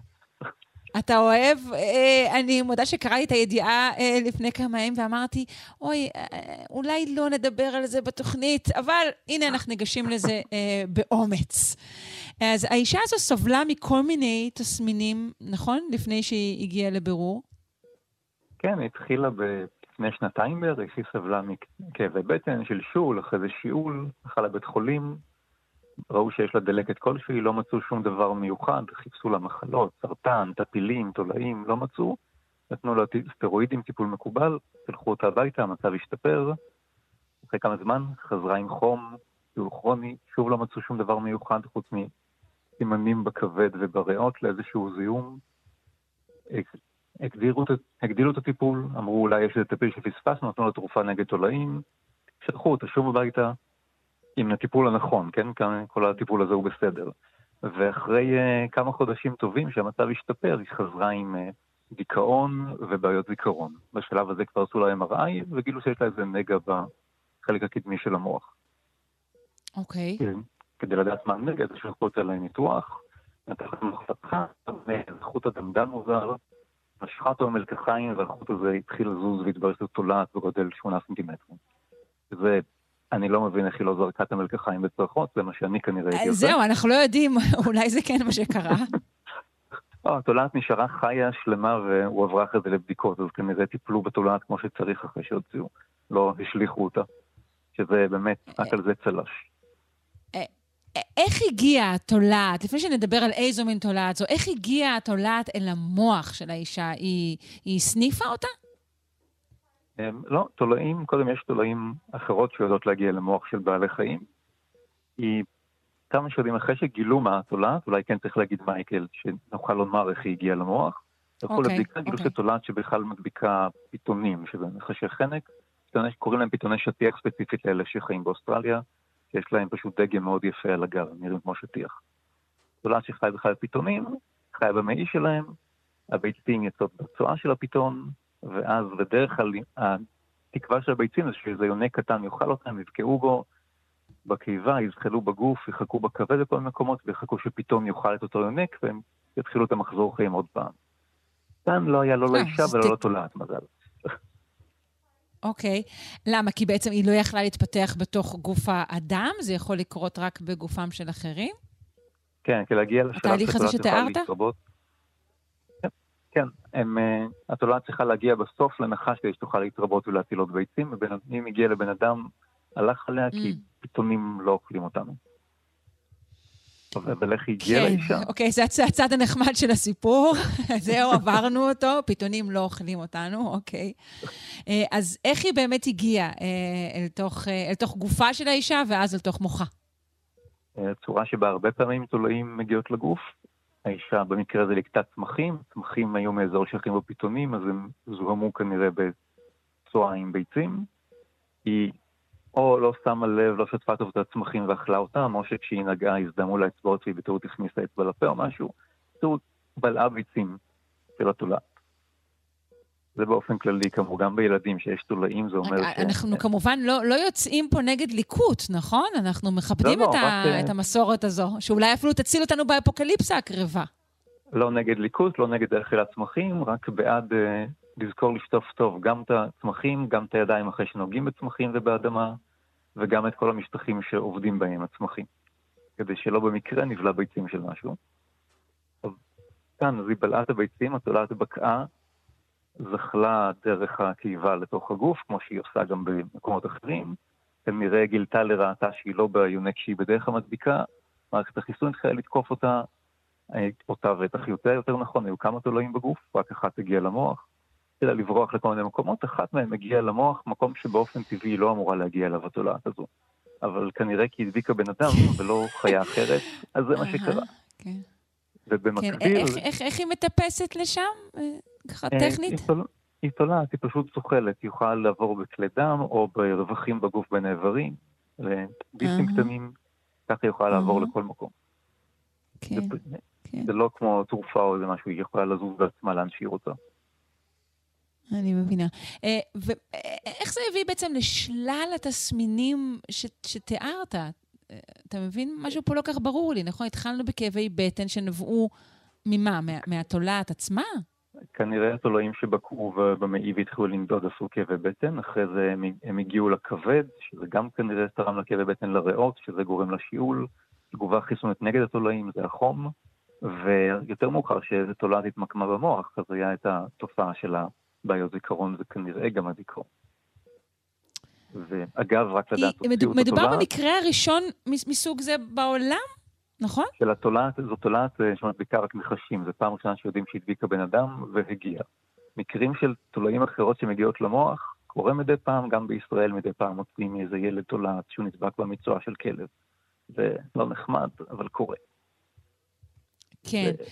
אה, אני לא זוכרת איפה אה, נתקלתי בשייכות הסיפור הזה באמת לקרבה ההולכת וגדולה של אה, בני אדם וחיות. כמובן שהקורונה הוזכרה בהקשר הזה. היית עושה את החיבור הזה? כן. היא ליקטה באזור בו בעלי חיים, לא שמרה על היגיינה, נדבקה. היא ספציפית אולי לא אשמה, אבל ככל שאנחנו גרים יותר קרוב לחיות, אנחנו נחשפים יותר לגורמי מחלה שבדרך כלל אנחנו לא נחשפים אליהם. ככה קיבלנו באמת, כמו שהזכרת, קורונה, אבולה מדי פעם, תולעים שלא אמורות להגיע אלינו, ועוד אה, שלל דברים. אה, זה יקרה יותר ויותר לצערי בעתיד, אז צריך גם להיות ערניים, כי הסיבה שלא מצאו את התולעת בהתחלה אצל האישה, חיפשו דברים מוכרים, כי לא יודעים לחפש משהו לא מוכר. כן, לא לא חשבו שחטפה משהו איזה. טפיל של נחש, אה, אני, אפשר בהחלט להבין אותם. אבל השאלה אם אנחנו לא יכולים להגיד פה, מה שלא הורג אותך מחשל אותך. זאת אני אומרת, לא ש- שככל. שהקרבה, לא, לא לאישה הספציפית, אני אומרת, נגיד, אם אנחנו קרובים במידה כזו או אחרת לבעלי חיים, וחוטפים כל מיני דברים, אבל לא דברים אקוטיים, לאורך זמן, אולי זה מחשל אותנו? אה, קודם ספציפי בתולעים, יש טענה שפעם נדבקנו יותר בתולעים שמדביק אותנו באופן טבעי, ולכן היו פחות, זה אחת ההשערות, שבגלל זה יש היום יותר אה, אסתמה ומחלות כאלה, ויש אפילו ניסיון לטפל בקרון ומחלות אחרות שקשורות למערכת חיסון שפועלת יותר מדי, ולהדביק אנשים בכוונה בתולעים. האם זה עוזר או לא, זה עדיין נחקר. אז יכול להיות שהקשר, נגיד במקרה של תולעים, יעזור. במחלות אחרות, כמו שאנחנו רואים עם מגפות שפעת מדי פעם, הקורונה לאחרונה, סארס, זה אולי מחשל את מי ששורד, אבל זה גם הורג הרבה מאוד בני אדם. כן. כיף. אה, מה שלום האישה, אגב? אני, אני, אני, אני שאלתי, או שעד עכשיו הייתי בהלם? עד עכשיו הייתי בהלם, האישה כן עדכנו במחקר, שזה נחמד ברעיונות, הוציאו לה את התולעת מהמוח, נתנו לה טיפול נגד תולעים ונגד דלקת, טיפול שמתאים לתולעת הזו, וחצי שנה אחרי זה היה דיווח אחרון, אחרי שטיפלו בה, המצב שלה השתפר, לא נ... המצב הנוירולוגי, כי הדיכאון והזיכרון לא נעלם, לא נעלמו לחלוטין לבעיות, בהחלט השתפרו. מקווה שיעבור לסופי. בכל זאת היה לה נזק מוחי. כן, אה, יפה, אה, סוף טוב, אה, לא אגיד הכל טוב, כי היו פה באמת אה, חלקים קשים. אני מודה לך מאוד אה, על הסיפור הזה, דוקטור נועם ו- לוויתן. נכון, לשטוף ידיים. אבל להמשיך לאכול סלט, הכל כרגיל בהמשך, בהקשר הזה. בדיוק. ביולוגי מכון דוידסון לחינוך מדעי, תודה רבה. בבקשה.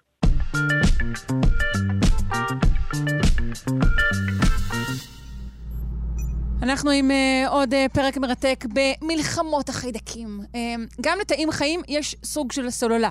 סוללה שיכולה uh, גם להיטען וגם להתרוקן. במחקר החדש חשפו מדעני מכון ויצמן למדע משפחה חדשה של חלבונים שמרוקנת חיידקים מאנרגיה, ובכך בעצם מגינה עליהם מפני פולשים. אנחנו נפנה כעת לפרופסור אה, רותם סורק מהמחלקה לגנטיקה מולקולרית במכון ויצמן למדע. שלום. שלום, בוקר טוב, שרון. בוקר אור. אז מה, אצלך מגלים הרבה מאוד אה, מהמערכות אה, החיסוניות האלו, נכון? של החיידקים. נכון, אנחנו כבר אה, כמה שנים אה, חוקרים איך חיידקים מתמודדים עם וירוסים שמתקיפים אותם, ו... מגלים אה, איך החיידקים יודעים להילחם בווירוסים כאלה. בשלל אה, דרכים מתוחכמות. נכון. בואו נדבר על הגילוי החדש הזה, ונסביר אולי את האנלוגיה הזו לסוללה שעשינו. נכון, אז הדבר המשמעותי שגילינו זה דרך חיסונית חדשה, שבה חיידקים וגם תאים אחרים מתגוננים נגד וירוסים, הם פשוט מרוקנים את עצמם מאנרגיה כדי שלווירוס לא תהיה אנרגיה להשתכפל. זאת אומרת... כמו שאת יודעת. אוקיי, זאת אומרת, כאילו, הווירוס בעצם משתמש באנרגיה של התא כדי להשתכפל, וברגע ש, שלתא אין אנרגיה, אז פשוט אין לו מה לעשות, אין לו מזון, במרכאות?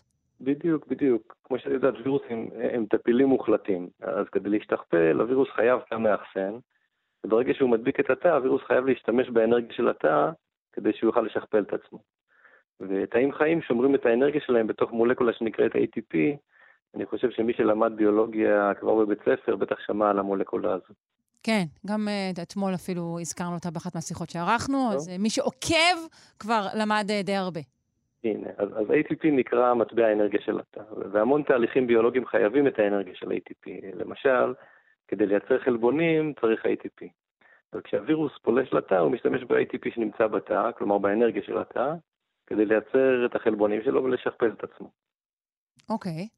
ואנחנו גילינו שתאים מסוימים, גם חיידקים וגם אה, תאים של חיות, ברגע שהם מזהים שהם נדבקו על ידי וירוס, הם פשוט מפרקים את כל ה-ATP שלהם ומשמידים את כל מאגר האנרגיה של עצמם.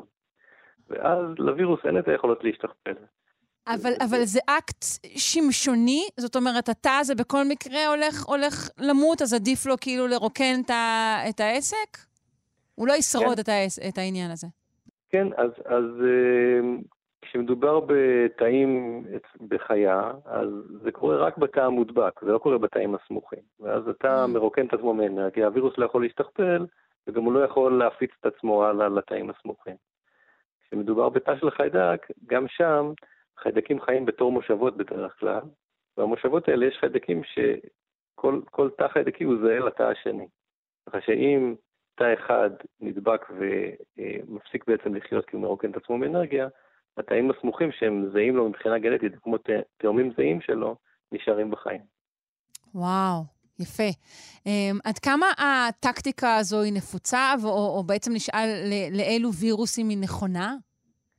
אז, אז אנחנו באמת התחלנו את המחקר כשחקרנו וירוסים שמתקיפים חיידקים, ו, ואולי לחלק מהמאזינים זה נשמע משונה, אבל יש וירוסים כאלה. הווירוסים שמתקיפים חיידקים הם, הם הווירוסים הכי נפוצים בטבע. כן, עכשיו בעצם אה, בדיוק שמענו שעומדים, חוזרים בעצם להשתמש בהם גם כהליך רפואי. לפעמים אנחנו רוצים הרי אה, לתקוף חיידקים בעצמנו, אז משתמשים נכון בפאג'ים בשביל זה. נכון מאוד, אז, אז באמת אה, כשמנסים להשתמש בפאג'ים אה, בשביל אה, אה, להרוג חיידקים שמזיקים לנו, אה, אחת הבעיות בזה זה שלחיידקים יש מערכת חיסון, וההבנה שלנו איך מערכת החיסון עובדת גם תאפשר לנו אה, אה, לשנות או להשתמש בפאז'ים שיודעים להתגבר על מערכת חיסון כזאת, וככה אפשר להשתמש בווירוסים שמדליקים חיידקים כדי להדביר חיידקים שמזיקים. אה, אז, אז באמת אחד הדברים ש, שמצאנו, חוץ מלהבין איך המערכת עובדת בחיידקים, הוא שבעקבות התגלית הזאת המשכנו וראינו שגם מערכת החיסון של חיות מסוימות עובדת באותה צורה ומשתמשת באותו מנגנון. המנגנון הזה כנראה לא נמצא אצלנו במערכת החיסון, כלומר לא במערכת החיסון האנושית, mm-hmm. אבל מצאנו אותו במערכת... אילו חיות? חרקים, למשל דבורים או אלמוגים שמתמודדים עם וירוסים שמתקיפים אותם אה, כל הזמן, בדומה לנו ולחיידקים. אה, אה, למה זה קורה שיצורים מסוימים מתנהגים כך ויש להם אולי חלבוני חיסון כאלו? ואתה אומר שלאנשים יש את המערכת הזאת, אבל היא לא מופעלת. למה זה קורה? אנחנו לא חושבים שלאנשים יש את המערכת הזאת בדיוק. יש מערכת שאולי דומה, אבל אנחנו לא יודעים עדיין אם היא משמידה ATP כמו זאת של החיידקים. למה ביצורים מסוימים יש מערכות חיסון מסוג מסוים ובסוירים מסוימים אין? אז לפעמים האבולוציה פשוט עובדת ככה, יש דברים שהולכים לאיבוד בקו אבולוציוני מסוים, ודברים שנרכשים בקו אבולוציוני אחר. כאילו זה קשור לסכנות שהיצורים האלו נחשפו אליהם לאורך הדורות, למשל? לאורך מיליוני שנים, כן. כן. הבנתי. טוב, אה, מעניין מאוד, אני מודה לך. פרופ' רותם סורק, המחלקה לגנטיקה מולקולרית במכון ויצמן אה, למדע. להתראות. תודה רבה ובוקר טוב. בוקר טוב.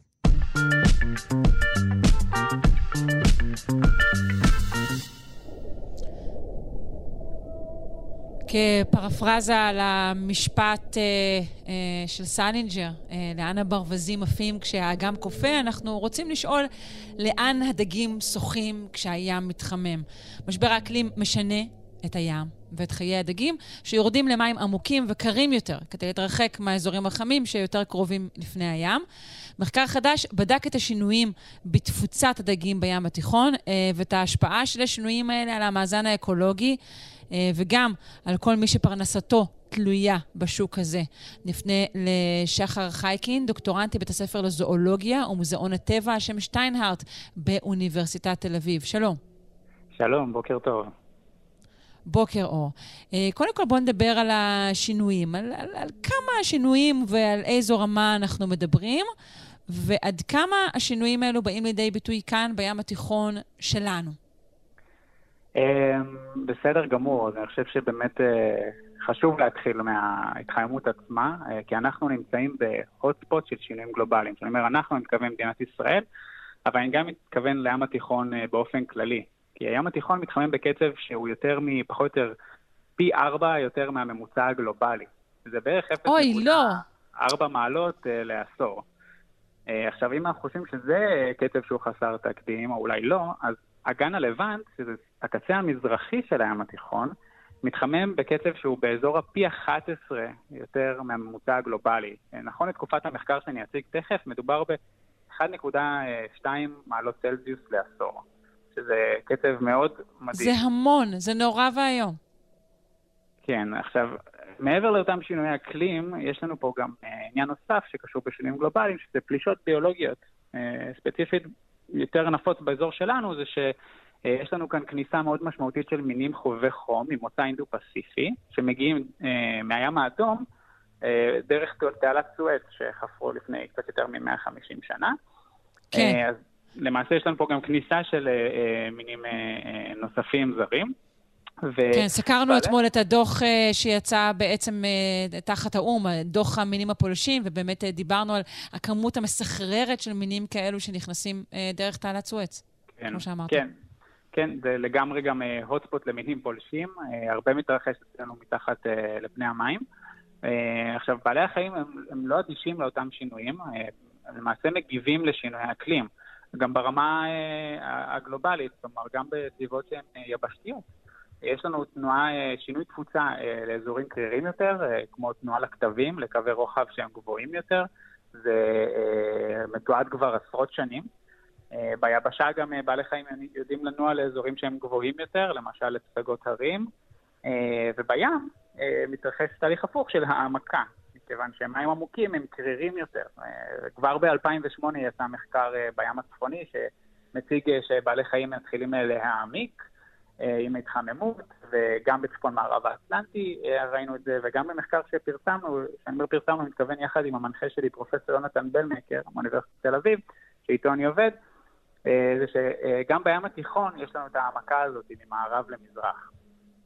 עכשיו, מה שיותר מעניין אותי, ב... אני מתמקד בו בדוקטורט... רגע, מה זאת אומרת העמקה ממערב למזרח? אנחנו מדברים כן. על אה, כלפי מטה, כן? העמקה. נכון, נכון. אז מה שאני מתכוון זה שעל פני כל הים התיכון, אה, אם נסתכל על מין מסוים ונבחן את העומקים שלו במערב הים התיכון, אז הוא יימצא יחסית רדוד. אבל אם נסתכל על אותו מין במזרח הים התיכון, שזה הקצה החם Mm. של הים התיכון, נמצא אותו עמוק יותר. אה, אוקיי. הבנתי, אוקיי.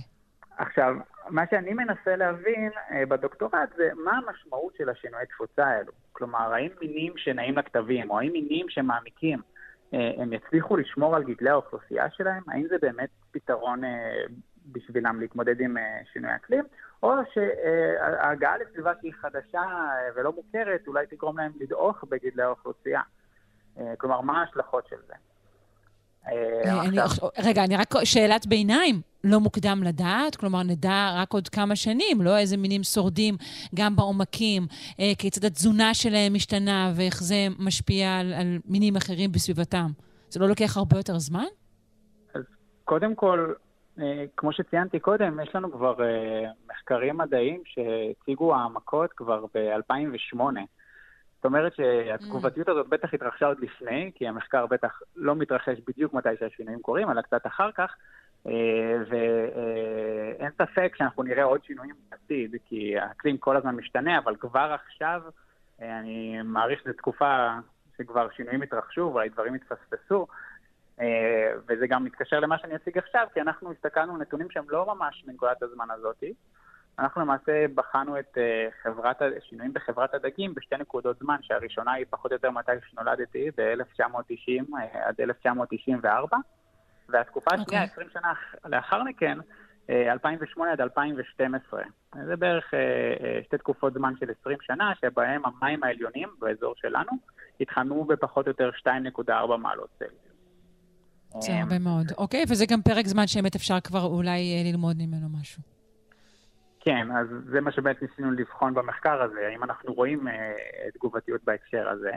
והנתונים הביולוגיים שלנו היו אה, אה, שימוש בסקרי דייג מכמורת. אה, מי שלא מכיר, אה, דייג מכמורת מדובר בספינה אה, שגוררת רשת על קרקעית הים, אה, זו שיטת דייג מאוד ידועה, אה, היא מתרחשת בכל העולם, היא לא סלקטיבית, זאת אומרת שהיא גוררת את כל מה שבדרך. לאחר מכן הרשת הזאת עולה לסיפון, וחוקר מטעם אה, אגף הדייג של משרד החקלאות אה, למעשה אוסף נתונים מהשלל. הוא מזהה את המינים, אה, עומד את השכיחות היחסית שלהם ועוד. ובסופו של דבר, בשתי תקופות הזמן האלו, יש לי אה, 64 מינים משותפים לעבוד איתם, שמתוכם 50 הם מינים מקומיים ועוד 14 מינים זרים, חובבי חום. ומה שעשינו כצעד הבא זה בכל תקופת זמן להעריך את נישת העומקים של כל מין בנפרד באמצעות מודלים סטטיסטיים ובעצם ללמוד מהו הגבול הרדוד של, אה, של כל מין ומהו הגבול העמוק שלו בכל תקופת זמן. ואז אפשר לחשב את השינויים. אז אה, אה, מהחלק הזה אנחנו למדנו כיצד מינים רק משנים את העומקים, וראינו שיש שונות מאוד רבה. כלומר, חלק אה, מגיעים מסביבות רדודות, חלק אה, לא משתנים, חלק מעמיקים, חלק מתפשטים, חלק מתכווצים, ולכן רצינו לבדוק כיצד השינוי העמקים הזה מתקשר לשינוי שכיחות. אה, ומה שאני יכול לומר, בגלל שבאמת היה הרבה שונות, זה שבממוצע, בעלי חיים, כלומר דגים, שכיווצו את תפוצת העומקים שלהם, או העמיקו גם את הגבול הרדוד וגם את הגבול העמוק, או לחילופין נעו לסביבות שהן רדודות יותר, ירדו בשכיחות שלהם. לעומת זאת, מינים בממוצע שהרחיבו את תפוצת העומקים, עלו בשכיחות, שזה גם הגיוני, חלשו על יותר עומקים. כן, זה נשמע באמת- הגיוני, נכון. כן. אז תגיד, איך השינויים האלה משפיעים באמת, אה, כמו שאמרנו, גם על שוק הדגים? אוקיי, אז אמ, יש פה השפעות שהן כבר ניכרות שנים, אני בטוח שהדייגים יעידו על כך כמה שהים משתנה, לפחות המבוגרים שביניהם. אמ, למעשה, אה, יש לנו פה, לא הצגתי את התוצאה הזאת, אבל מינים שהם חובבי קור שהעמיקו את הגבול הרדוד שלהם ירדו בשכיחות, ומינים שהם חובבי חום שהעמיקו, למעשה עלו בשכיחות. אז אם אנחנו משלבים את התוצאה הזאת, המסקנה היא שיש לנו פה שינוי בהרכב חברת הדגים. זה לא שינוי שיהיה בעתיד, זה שינוי שכבר קרה. שינוי בהרכב המינים. ההשלכות על שוק הדייג זה שיש לנו פה העמקה ודעיכה בשכיחות של מינים מסחריים מקומיים, כמו למשל אחד המינים הידועים כחובבי קור, זה הבקלה הים תיכונית. שחיה במעמקים, ומהמחקר שביצענו נמצא שהיא עוד יותר מעמיקה, אמ, ויורדת בשכיחות. לעומת זאת, מינים זרים, חובבי חום, כמו הפלמידה הלבנה המפורסמת, או העורפון זוב פס, שאולי אה, קצת פחות מפורסמת, אבל אם מסתכלים עליה רואים שהיא נראית קצת כמו ברבוניה, מכונה גם פס צהוב, מין מסחרי שעולה בשכיחות. אה, אבל לצד זאת יש גם מינים זרים מזיקים שמתפשטים לעומק ועולים בשכיחות, כמו על הגינון המוערך, שזה מין של אבו כן. נפחא, שהוא גם מסב כן. נזק לציוד דייג, הוא יכול ממש... אה, דג בלתי נעים, כן. לא נעים, הוא גם כאילו יכול אה, לקרוע רשתות, הוא יכול לכופף קרסים, אה, הוא יכול, אה, והוא רעיל. מי שלא יודע את זה יכול להגיע לבית חולים אם הוא ניזון ממנו, הוא כן. מאוד מאוד רעיל. נכון. אבל כשאנחנו אוכלים, אה, מי שאוכל כמובן אה, פלמידה לבנה, זה, זה טוב, אנחנו תורמים אה, לאיזון באיזשהו אופן, לא?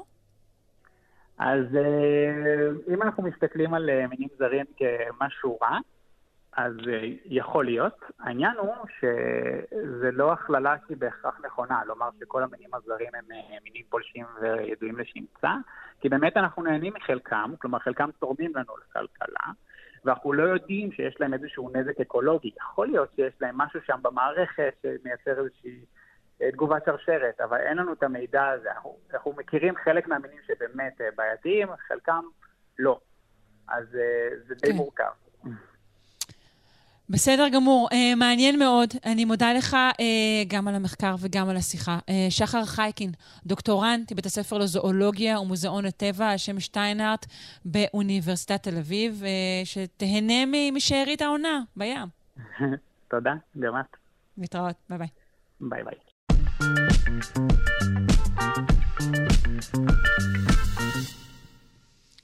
אנחנו רוצים אה, לדבר עכשיו על עולם הרפואה מרחוק, אה, גם על הדבר עצמו, אה, אבל גם על איך אנחנו בעצם גורמים לצרכנים לאמץ טכנולוגיה חדשה כזאת. לא יודעת לגבי אנחנו, אבל איך החברות שעוסקות בכך מנסות לגרום לצרכנים לאמץ טכנולוגיות חדשות בתחום הרפואה.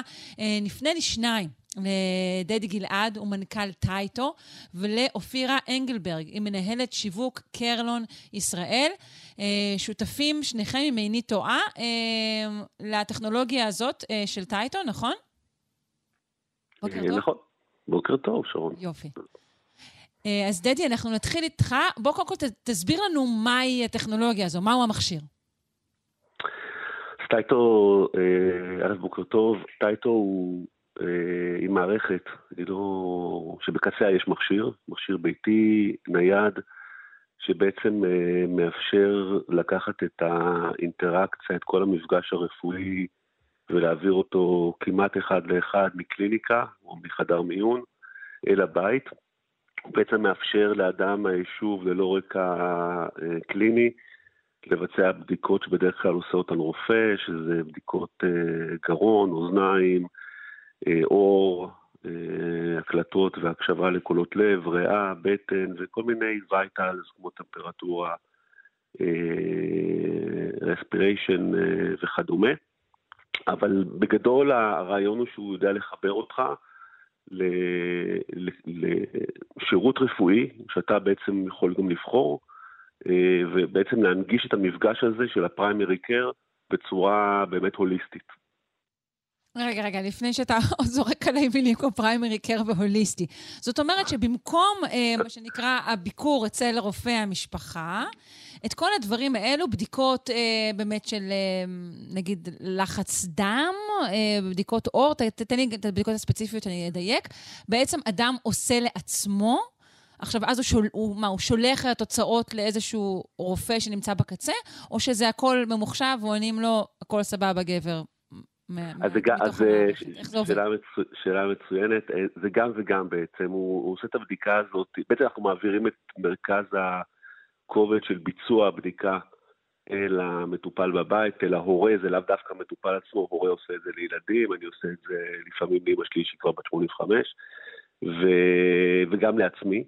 אה, ויכול לפגוש רופא גם בריל טיים, כלומר, אם את מכירה קצת טלרפואה או העולם הזה של מפגש בווידאו, הוא נקרא לזה ה-level הכי בסיסי, שפשוט תקשורת אה, אודיו ווידאו עם רופא, אבל שם אי אפשר באמת לבצע דיאגנוסטיקה אמיתית או לתת אה, באמת טיפול מקיף למגוון של בעיות. וטייטו בעצם מאפשרת לך או לך גם לפגוש את הרופא אה, בריל טיים דרך וידאו, גם אסינכרונית, כלומר לשלוח לו את המידע אה, אחרי בדיקה שלך וכן הוא יחזור אלייך, כמו, קצת כמו בדיקת מעבדה בענן, תחשבי על זה שאת עושה איזושהי בדיקת דם איפשהו, המידע מגיע לרופא והוא מתקשר אלייך ואומר לך, אה, וואלה, שרון, הכל בסדר. אז זה גם אבל יש זה גם גם יכול מצב לעבוד שבו במוד הזה. בכלל זה לא מגיע לרופא? זאת אומרת שהאבחון אה, או הבדיקה מתחילים ומסתיימים אה, אצל הפציינט? אז זהו שלא. אה, עדיין לא. אה, זה בעיקר מסיבות רגולטוריות. אני רואה סיטואציה, יכולות, קודם כל אני אגיד עוד מילה אחת אה, שהיא מאוד חשובה, טייטו היא מערכת מאוד מאוד אה, קלינית, או קלינית באוריינטציה שלה, היא עברה הרבה מאוד רגולציות, גם של אה, Data Security, גם של רגולציית FDA ו-CE וכל הקללות שאת יכולה לחשוב עליהן, אה, כדי שבאמת רופאים יסכימו להשתמש בה. רופאים וצרכנים, אנחנו עובדים עם בערך 30 אלף רופאים שנמצאים על הפלטפורמה אה, בעולם, בעיקר בארצות הברית, וביניהם גם קרדיולוגים ופולמונולוגים, רופאי ריאה, רופאי לב, וגם רופאי משפחה ורופאי ילדים וכיוצא בזה. אז זה חייב להיות מאוד מאוד קליני, ולכן האבחון העצמי הוא משהו שכבר טייטו יודעת לעשות אותו בחלק מהמצבים, זה היום בעצם הדור החדש יותר, שמבוסס באמת הרבה מאוד AI על הדאטה שאספנו במשך הרבה מאוד זמן. אין אותם בעצם היום בשום מקום. אם תלכי לקופת חולים בארץ או בעולם, לגוף רפואי, המידע הזה שטייטו אוספת לא קיים בשום מאגר מידע, כי אף אחד לא אוסף אותו בכמויות שלנו. רופא עושה את זה במפגש, שלוש שניות מסתכל באוזן או מקשיב לריאה ומקבל החלטה דיאגנוסטית. אצלנו המידע הזה נשמר, אנחנו עושים עליו הרבה מאוד עיבוד אחר כך, ולכן אנחנו יודעים לאבחן כל מיני דברים, אבל מבחינה רשמית, ההבחנה לא יודעת אם תמיד אנשים תמיד... שמחים לשמוע שאתם אוספים את כל כמויות המידע האלה. לא, לא, לא, לא. זה נאסף, זה נאסף כחלק מהתיק הרפואי שלך בקופת החולים, בבית החולים, אצל המבטח שלך, תחת כל הרגולציה האפשרית. אה, ואנחנו יכולים היום לתת, להנגיש לרופא אה, בעצם מין decision support, מין אה, מערכת שנותנת לו התראות במקרה שמשהו חורג מסטנדרט, יש איזושהי דגרדציה או ירידה ברמת התפקוד של אה, ריאה למשל, אה, wheezes, crackles, כל מיני מילים שאני לא אלאה את, המאזינים. אה, אבל, אבל זה תמיד, תמיד, תמיד מגיע לדיאגנוסטיקה של רופא, וזה זה מה שחשוב לומר. תמיד, תמיד הרופא מקבל את ההחלטה הדיאגנוסטית, בטח שאת הטיפול, זה אף פעם לא משהו אוטומטי. ולפחות כרגע זה בעיקר מסיבות, מה שנקרא, של ביטוח או רגולציה, נכון? נכון, נכון. או לא? זה מאוד, אה, זה בעיקר, כן. אוקיי.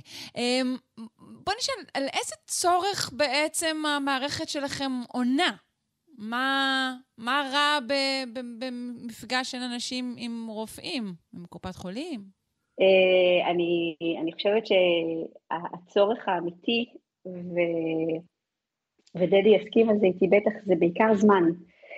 אה, יש המון, ו- ואני מדברת כאן בשם כל המטופל, המבוטחים שלנו שמשתמשים בהצלחה ובשמחה רבה בטייטו, אלה אנשים ש, שלרוב אין להם יותר מדי זמן מיותר, ויש הרבה מאוד uh, use cases רפואיים או מצבים רפואיים שטייטו עונה עליהם בצורה כל כך מושלמת מהנוחות של הבית, ש, שכל ההתעסקות בלהיכנס לרכב ולנסוע לרופא או לנסוע לחדר המיון, פשוט מתייתר לחלוטין.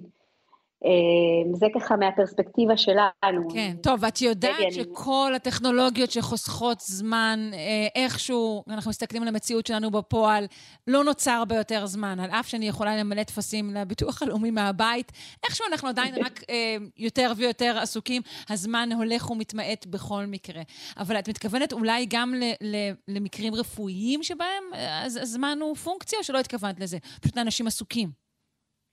כן, אנשים עסוקים, או אפילו יותר מזה, אני, אני אדבר שנייה על, ה, על המבוטחים שלנו, יש בקרבם גם אנשים ש, שעובדים למשל בעבודות אה, אה, שעתיות, אלה בעיקר אנשים של אוכלוסיית אה, מדיקייד בארצות הברית, של אנשים שהם בעלי הכנסה נמוכה, ו, ומבחינתם כשהילד שלהם חולה והם צריכים לבזבז במרכאות את הזמן ולקחת אותו לרופא, זה יכול להסתיים בזה ש, שהם יאבדו את מקום העבודה שלהם, כי, כי זה באמת מאוד, אה, מאוד אקוטי, כל העניין הזה תשמעי, זה מחריד מה שאת אומרת. אז במקום לזעוק, אלוהים אדירים, הקפיטליזם הוא כזה שאנשים לא יכולים ללכת לרופא בלי לאבד את העבודה, אז אנחנו אומרים, טוב, אז תבדקו את זה בבית. באמת, זה נשמע לי נורא מה שאמרת עכשיו. אז זה, אני, אני באמת קטונתי מלענות על זה, אני רק יודעת שזה באמת צורך אמיתי. זה אנשים ש,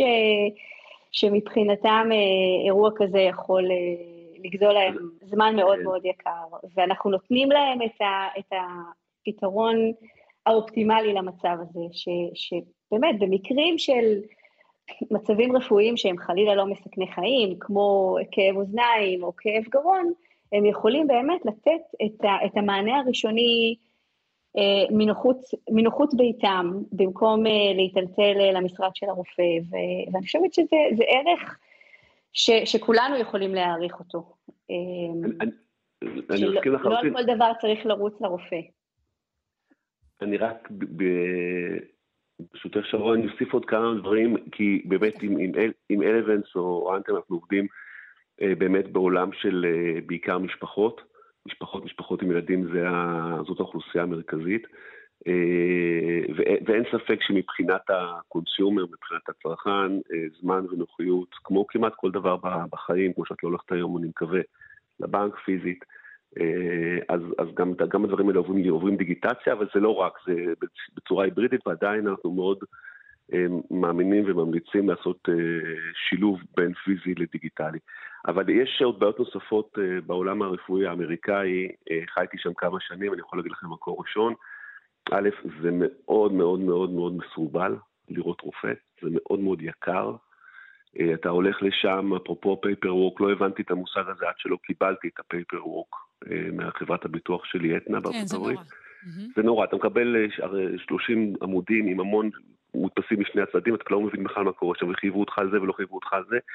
כן, וכשאתה מגיע מגיע לרופא גם אמריקאי... בחובות לפעמים אה, אדירים, כן, נכון. נכון, נכון. עכשיו, אתה הולך לרו- ל- למרפאה, גם יש להם אינטרס היום בעולם של ה-fee for service, שבעצם רופא מקבל כסף על, על טיפול, וככל שהוא יעשה יותר טיפולים, הוא יקבל יותר כסף, אז אתה גם מקבל לפעמים אה, חיובים מיותרים, כי כבר היית במרפאה וכבר אה, יש לו בצ'קליסט, או יש לה... לא, אתם מתארים תחלואים אמיתיים נכון. לגמרי, ואני מבינה כיצד הטכנולוגיה הזו פותרת אותם. אני רק טוענת אה, מכיוון שאולי ייחשד כסוציאליסטי, ובצדק, שהייתי שמחה שהפתרונות היו בדיוק, אתה יודע, מהכיוון ההפוך.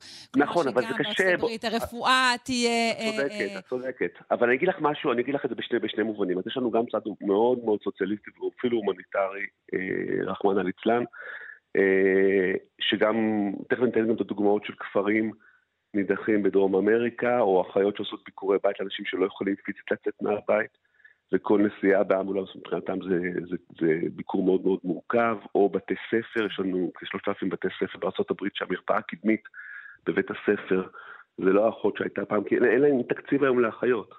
בוא נתחיל אני מהסוף, רוצה להגיד לך שגם בבתי ספר. בישראל היום אין. אחות אה, זמינה אה, אה, בכל בית ספר. זה דבר שכבר אין אותו.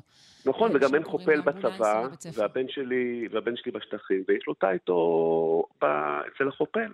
יש חופל, אבל אין, רופא שלא רואה אותם, אז, אז גם זה פותר בעיות של יחידות מרוחקות וכדומה. אבל אני אגיד, בסופו של דבר, לצערנו, בעולם קפיטליסטי, הר- הרבה מאוד מהדברים זה כסף, והמערכת הבריאות הרפואית, אני אולי אסיים בזה, היא מערכת שעל סף קריסה. מבחינה פיננסית לא, יכולי, לא יכולה להחזיק את עצמה יותר, כי אה, העלויות מטורפות, אין מספיק רופאים, הולכים, הולכים להיות חסרים כ-150 אלף רופאי פריימרי קר בחמש-שש שנים הקרובות. מספרים שהתעשייה לא יכולה לעמוד בהם, וטייטו גם עוזרת מאוד מאוד להנגיש אה, חולים לרופאים מחוץ לקומיוניטי, ברופאי פריימרי קר את בדרך כלל תלכי בשכונה שלך, באזור שלך, בעיר הקרובה אלייך, לא יותר משני מייל או שלושה קילומטר, את לא תיסעי עכשיו אה, יומיים לרופא. כן. והתורים הם ארוכים, ואין מספיק רופאים, ואין פיזור, הרופאים מתמקדים המון המון בניו יורק, בבוסטון, בערים הגדולות, יש הרבה מאוד חוסר באזורים יותר רחוקים. גם כן, עדיין יש הבדלים בארץ מאוד גדולים, אה, גילינו את זה בין פריפריה לבין אה, ערים. נכון, נכון, והיום למשל קופות חולים בארץ מרימות אה, שירותים גם של יכולות קליניות של טייטו, דווקא באמת בקיבוצים, במקומות שלא מגיע אליהם רופא, במקומות מרוחקים יותר, ואנחנו גם חושבים על עוד כל מיני דברים. אז, אז טייטל נוגעת במנעד רחב של גם חוסר בתחום של השירותים הרפואיים, גם בהמתנה מאוד מאוד ארוכה, כן. גם בעלויות שבסוף עולות לך, ובטח שגם בנוחות האישית שלך בתור צרכן. ואתם גם בטח לא אשמים, לא במדיניות כלכלית ולא במדיניות של חינוך. אתם... אתם, אתם, אתם עדיין לא, עדיין לא, אבל בדרך. עדיין לא. רגע, אופיר, אני רוצה לשאול באמת על, על, על החדרה לתוך שוק של טכנולוגיה כזאת. אנחנו יודעים שאנשים את יודעת, ממהרים אה, לאמץ אה, הרבה מאוד טכנולוגיות כשמדובר אה, בכל מיני דברים של, אה, של פנאי אה, ושל משחק. נכון. אני נכון. רוצה להמר שזה יותר קשה כשמדובר אה, בטכנולוגיה שקשורה אה, לבריאות ולגוף. זה בהחלט הרבה יותר קשה. אחד האתגרים שלנו הוא מאוד נוגע לנקודה שדיברנו עליה מקודם, זה העובדה ש... כמו, אה, כמו שדדי אמר, מערכת הבריאות האמריקאית מאוד שונה ממערכת הבריאות הישראלית.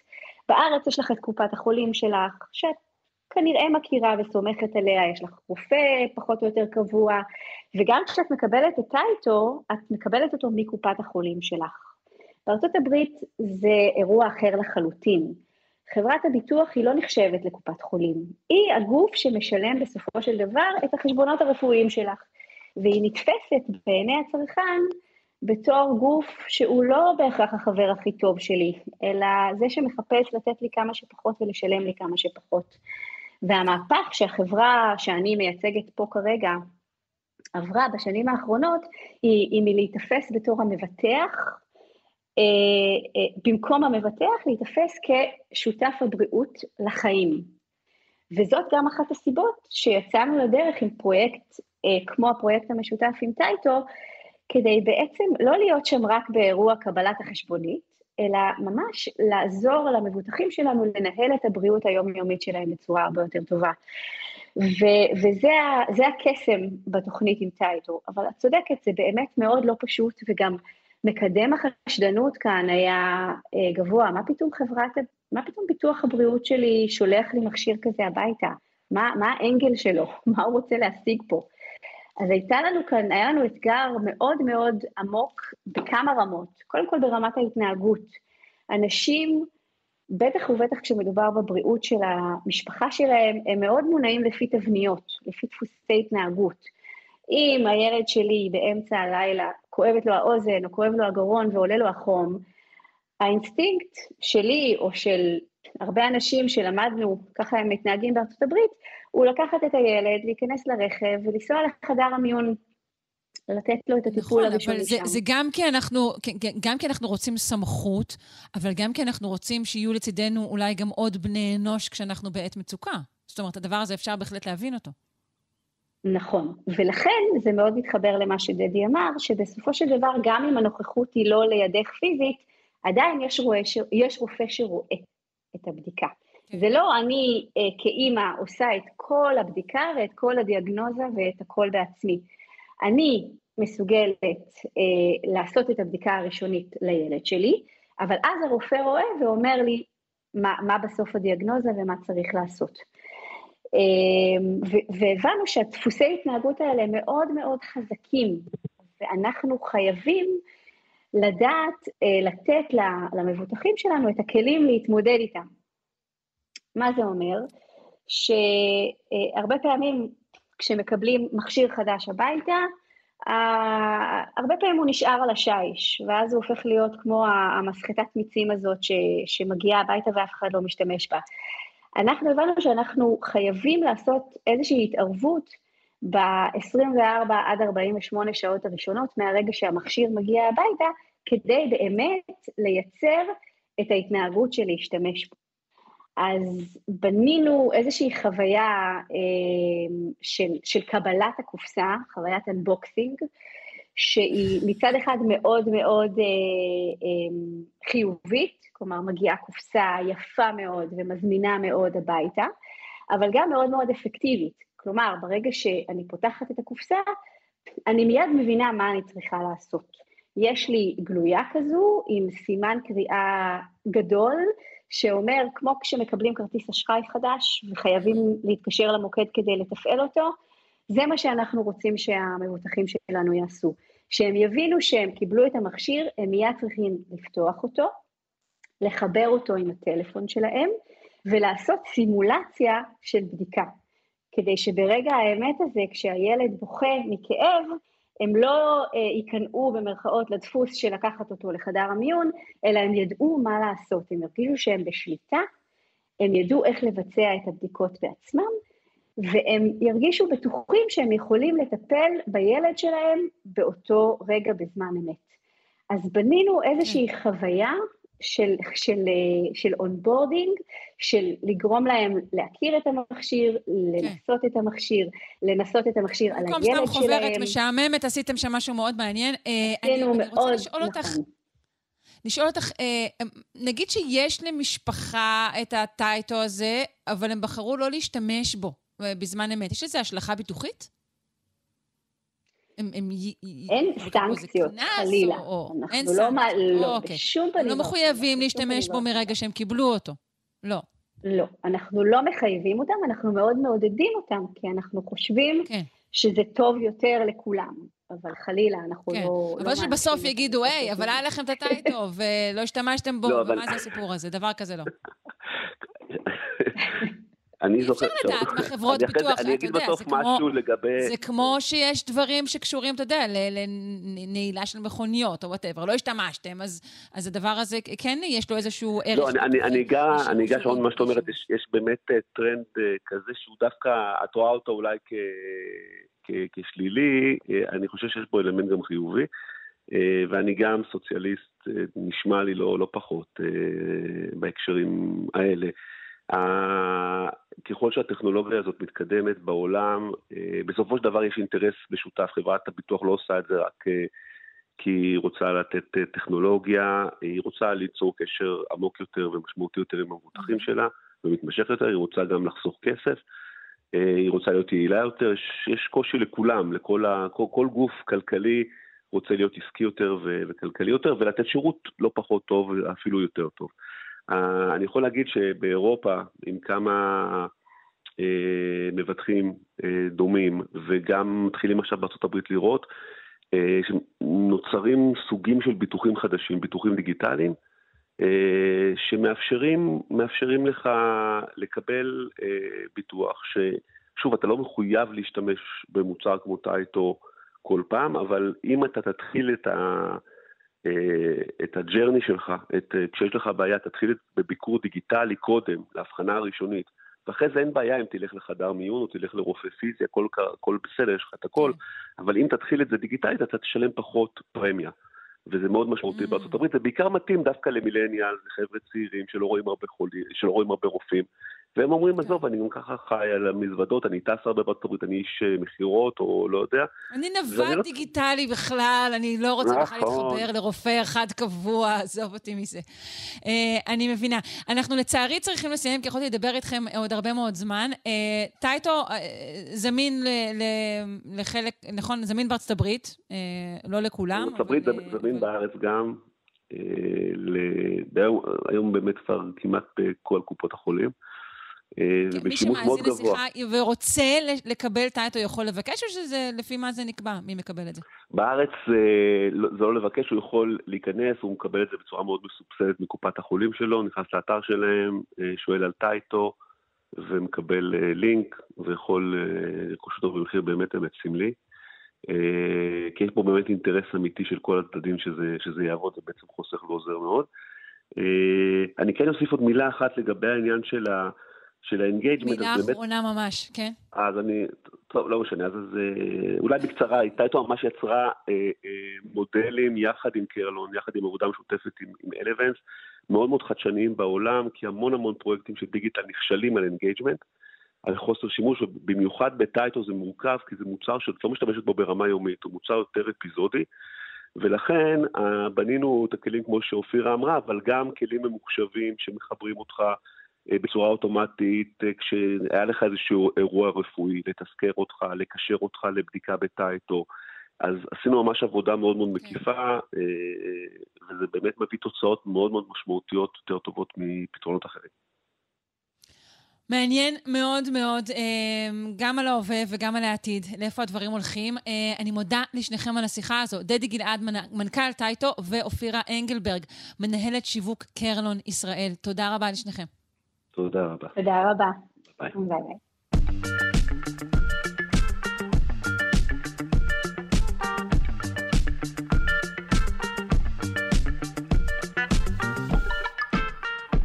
עד כאן מאיתנו שלושה שיודעים. אנחנו נפרדים מכן כאן, העורכת אלכס לויקר, המפיקה תמר בנימין, על הביצוע הטכני העדימה קרנצוב.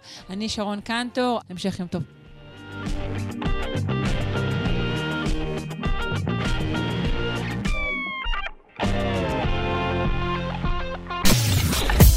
אתן מאזינות ואתם מאזינים לכאן הסכתים.